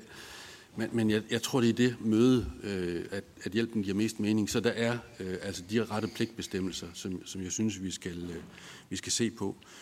Og så øh, i vores jobcentre, så må man heller ikke glemme, det var for det andet, jeg gerne vil sige, det er, øh, der er rigtig mange af ledige øh, i vores jobcenter, som har psykiske udfordringer, lidelser, men ikke nødvendigvis har en diagnose på det, og som fylder i vores øh, jobcenter, og vi ved ikke altid, hvad vi skal gøre ved dem. Og de er ikke dårlige nok til at komme ind i psykiatrien, men de er altså heller ikke raske nok til at være ude i øh, en øh, ordinær beskæftigelse. Øh, og, og der kunne jeg godt tænke mig, at vi fik en, øh, en, en bedre, et bedre samarbejde også om forebyggelse sammen med psykiatrien. Øh, det kræver virkelig, at vores psykiater kan tænke ud af matriklen også, og øh, vi kan få adgang til den viden, de lægger inde med. Vi er i gang med et øh, projekt i Næstved, som får støtte fra EP Møllerfonden, som, som prøver at gå den her vej. Det, det er smadret svært, men, men øh, de øh, meldinger, vi får fra VIVE indtil videre, som, som øh, hjælper med at evaluere os, de viser, at hvor, de borgere, vi prøver at hjælpe her, de synes virkelig, det virker. Og de bliver fastholdt i en beskæftigelse og i uddannelse mere end vi kunne have håbet på. Øh, så, så jeg tror, at det igen er noget, øh, vi skal ind og se på, det er, i, beskæftigelses, i beskæftigelseslovgivningen kan vi tage nok hensyn øh, til dem, som i en også længere periode har de her udfordringer. Tak for det, Jacob. Så vil jeg give ordet til Mads, og herefter Jimmy og så Tommy. Og igen, jeg vil bare appellere til korte svar, så vi når mest muligt. Mads, værsgo. Tak. Øh, jeg vil prøve i forhold til det, du sagde, Camilla, hvad gør vi i forhold til det, vi kan kalde kulturelle barriere i forhold til at gå ind i pårørende tænkning og i det hele taget måske engagere sig med psykiatrien. Og jeg tænker jo, fordi nu fik jeg også sagt, at sådan noget ligger der også i min baggrund derude fra land, hvor jeg kommer fra. Ikke? Øh, og jeg tænker, der er mange steder, hvor, hvor det jo handler om at sige, hvordan oversætter man det her ind i verden, sådan den nu ser ud der, hvor man er, sådan at man får pillet nogle af fordommene, noget af tavsheden, noget af tabu ud af det. Og det er jo nok et langt stykke arbejde, fordi der er også en grund til, at resten af psykiatrien er noget dertil, at vi kan snakke om det på den måde, vi kan nu. Det kunne vi ikke for en generation siden. Men jeg tror sådan helt ned på lavpraktisk, at noget af det, som vi kan se, at de der folk, der selv har en pårørende baggrund, en oplevet baggrund, kan, så de her peers, det er, at de kan oversætte ind i nogle af de her sammenhæng, og fordi de jo også færdes som nogle folk i forvejen måske kender som kollegaer eller familiemedlemmer, eller nogen, man bor nede af. Jeg tror, vi kan dyrke det noget mere i forhold til nogle af de der miljøer, hvis vi tør prøve at få fat i nogle af dem, der tør tage den opgave på sig, og prøve at tale deres egne erfaringer ud til deres miljøer, så vi får nogle, jeg kan sige, kultur- og mønsterbrydere der. Og det er tilbage til det der med at sige, lad os få nogen, der har en ordentlig grunduddannelse i, hvordan man løfter den der erfaring, man har som pårørende, ind i forhold til for eksempel målgrupper fra, fra nogle af de miljøer, hvor det er svært at snakke om psykisk, psykisk sygdom og det at være pårørende. Tak, Mads. Så er det Jimmy. Værsgo. Jo, tak. I forhold til det, Camille siger om at være pårørende, og at jeg var så heldig at have en øh, rektor, der hjalp mig, så tror jeg, hvis vi prøver at tage den lidt længere op, hvor man kan hjælpe flere, så kunne i regionsbasis måske være et, øh, et forslag at ansætte såkaldte frivillige koordinatorer, som vil have et overblik over bedre psykiatri, over øh, LMS og over andre frivillige organisationer, som ligesom kan hjælpe pårørende i pårørende grupper i at kunne møde hinanden i, hvordan det er, man håndterer første møde med sagsbehandler osv., fordi at jeg har i hvert fald oplevelsen fra mig selv, at når jeg fortæller min mor, at jeg skal noget med sin ungdom, så bliver hun nærmest stolt over, at jeg prøver at kæmpe for hende, og jeg prøver at, at lære hende selv at kende. Men hvis jeg skal med ind til kommunen, så går hun i forsposition. Så handler det lige pludselig om hende på en helt anden måde, og hun stoler ikke helt så meget på systemet, som hun gør på de frivillige foreninger. Så jeg tror måske, at mange af de her pårørende ting kommer igennem frivilligheden, og der skal staten og regionerne og kommunerne være bedre til at anerkende frivilligheden og bruge den aktivt, fordi at der findes nogle dygtige peer-mennesker eller frivillige, som ved, hvordan det er at sidde i den situation, og de er ofte bedre til at hjælpe end, end ansat i kommunen. Tak for det. Tak, Jimmy. Så er det dig, Tommy. Værsgo. Jo, tak. Noget af det allervigtigste, det er, at vi samfundsmæssigt begynder at snakke om psykiatrien. Forholder os til de problematikker, der er i det. Sætter ord og følelser på. Så det ikke, øh, vi skal have fjernet det stigma, der er at være pårørende, der er at være psykisk syg. Og det gør vi kun ved at åbne op for godteposen. Og det er kun jer som politikere, der kan træde frem og stå forrest og sige, det her, det er det, vi vælger at bruge ressourcer på at snakke om nu. Det vil langt hen ad vejen gøre det nemmere at være pårørende og bibeholde et job. Det tror jeg på. Det vil langt hen ad vejen gøre det nemmere at være pårørende eller psykisk syg og bibeholde relationer til andre mennesker. Det vil være oplysende for andre mennesker. Tal er taknemmelige, og bedre psykiatri har et tal, der siger, en ud af fire bliver ramt af psykisk sygdom, inden de når 50. Og hvis vi tager udgangspunkt i en kernefamilie, så er der to voksne og to børn. Det vil sige, de andre tre, de pårørende, og så er der en, vi ikke har med i regnestykket. Tak. Tak for det, Tommy. Så har Lars bedt om en altså som i en ultrakort øh, kommentar. Og mens Lars siger noget, så vil jeg lige sige, at hvis der sidder nogen øh, på tilhørpladserne her, som har lyst til at byde ind med et spørgsmål eller en kommentar, så er chancen der nu, og det kan man jo lige tænke over, mens vi hører guldkorn fra Lars. Værsgo. Det er noget, et oplæg at få. Øh, Camilla, tak for øh, dine refleksioner, øh, og det var også det, der fik mig til at tænke lidt. Noget af det, vi har arbejdet meget med i, i Region Hovedstaden, det er at prøve at, at tale om et menneskeligt sundhedsvæsen. Og i psykiatrien har vi prøvet at arbejde meget med at have medarbejdere med brugerbaggrund, og det har givet rigtig meget ind i psykiatrien, at vi har medarbejdere, som selv har prøvet at være patient i systemet. Og jeg får lyst til at sige det, fordi at der bliver sagt mange gode ord omkring, det handler om tabu, vi skal tale om psykiatrien, vi skal også tale om pårørende, og man har ikke selv valgt at blive pårørende, og er man, er man klædt på til at være det, og, og hvem er den gode pårørende?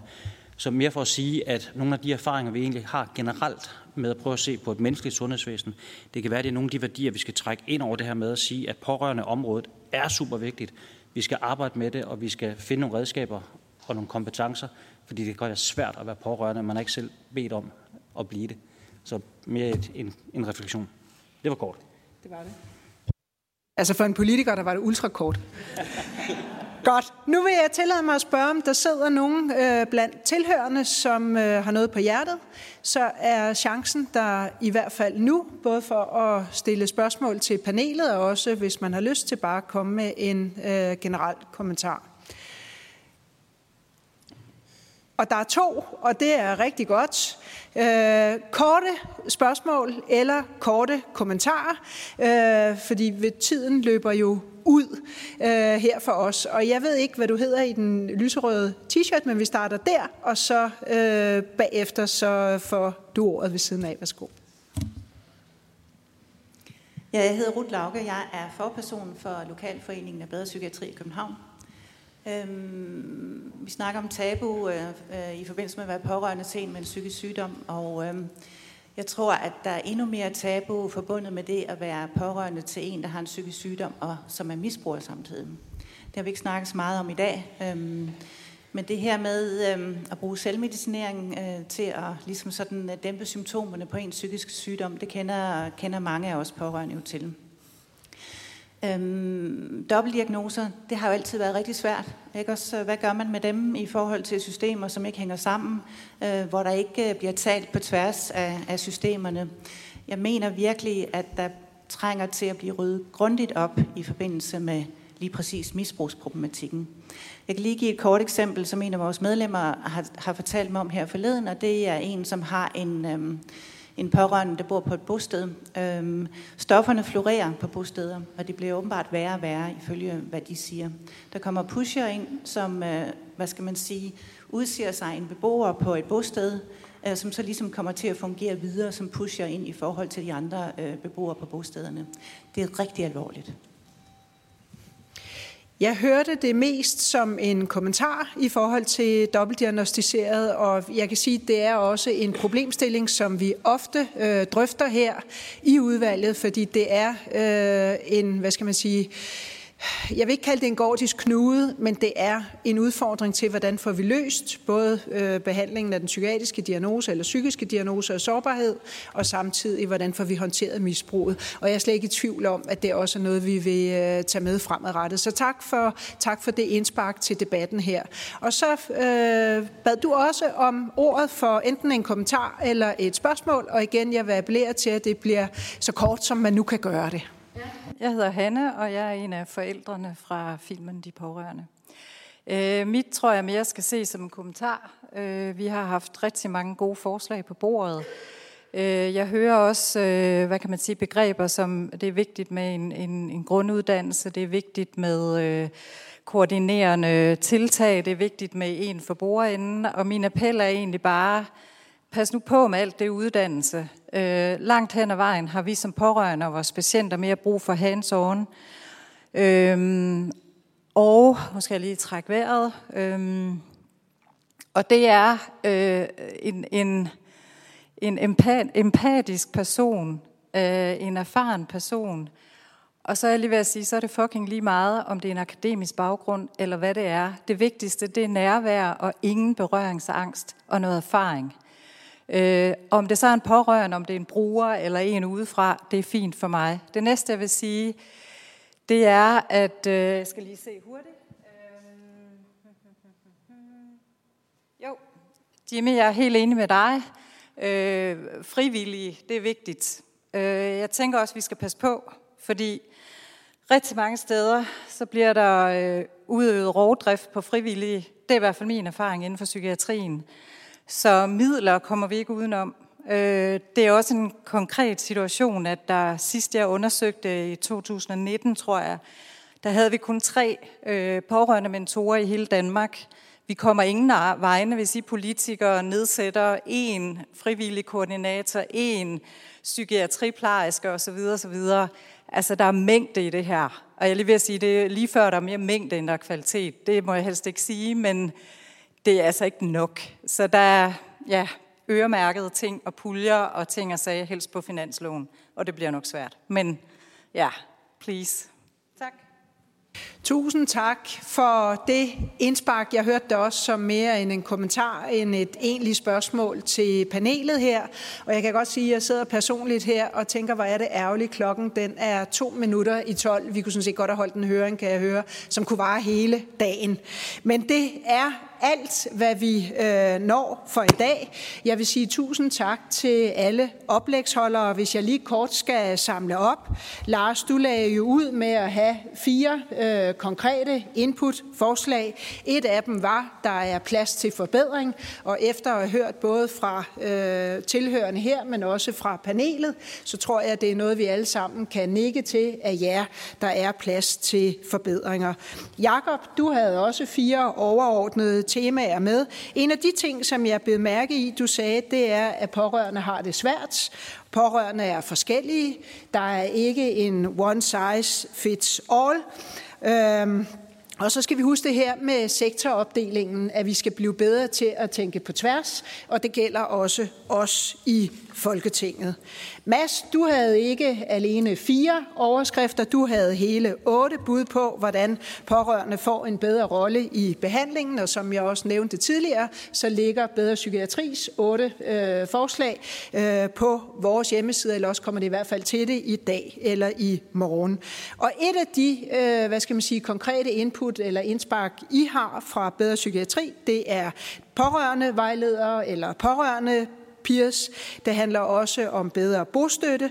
Og så øh, et ret spændende forslag, synes jeg faktisk også, målbare konkrete succeskriterier for, dan, for, hvordan pårørende kan inddrages bedre. Det vil i hvert fald være nytænkning, hvis man i psykiatrien sætter sig nogle konkrete målbare mål. Så tak for det input. Tommy, du fortalte jo om, hvordan hverdagen kan være som pårørende. Du nævnte, at det at være pårørende, det er et umenneskeligt vilkår. Du nævnte også inddragelse af pårørende, pårørende som den vigtigste ressource, og må også vigtigt at huske på, at når man er patient, så er man jo heldigvis meget mere end ens diagnose. Du nævnte, man har også yndlingsfilm, man har livretter, man er et helt menneske, og det er i hvert fald også et vigtigt budskab at tage med, både for os politikere, men der sidder jo også gode folk fra ministeriet på forreste række her. Tak fordi at I også er mødt op i dag for at lytte. Øh, det er i hvert fald også et vigtigt, øh, et vigtigt budskab at tage med, at man er meget mere end sin diagnose. Og sidst men ikke mindst, så nævnte du også, at vi skal passe på, at de pårørende ikke også bliver patienter. Det synes jeg også er vigtigt her at sætte en tyk streg under. Leila, du nævnte, at man som pårørende kan være på dybt vand, og du nævnte også, og det synes jeg faktisk også er øh, en rigtig spændende vinkel at tage med, nemlig den mistænkeliggørelse, som mange pårørende øh, oplever. Der er tavshed, der er stigma, der er tabu, og så er der ikke noget ved at være kaloriepoliti. Øh, og det er også en vigtig pointe. Du nævnte også, at søskende ofte enten bliver glemt eller fortrængt, øh, og det er i hvert fald, hvad skal man sige, en ledetråd over til dig, Jimmy, som jo også her kunne bidrage med en meget personlig historie om, hvordan øh, man som barn, øh, forstår jeg, at du har oplevet nærmest at blive glemt, og måske også det at have en psykisk syg mor, i hvert fald ikke er noget, man taler om, og det er jo også et tema, der er gået igen, nemlig øh, tabu og stigma. Dit budskab var jo også, og det startede du også med, Lars, hvordan får man øje på børnene? For hvis jeg skal konkludere på det, du sagde, så er du i hvert fald et af de børn, som desværre er blevet overset. Og det dur ikke. Det dur simpelthen ikke. De pårørende er ryggraden, det sagde du, Jimmy, og jeg er fuldstændig enig.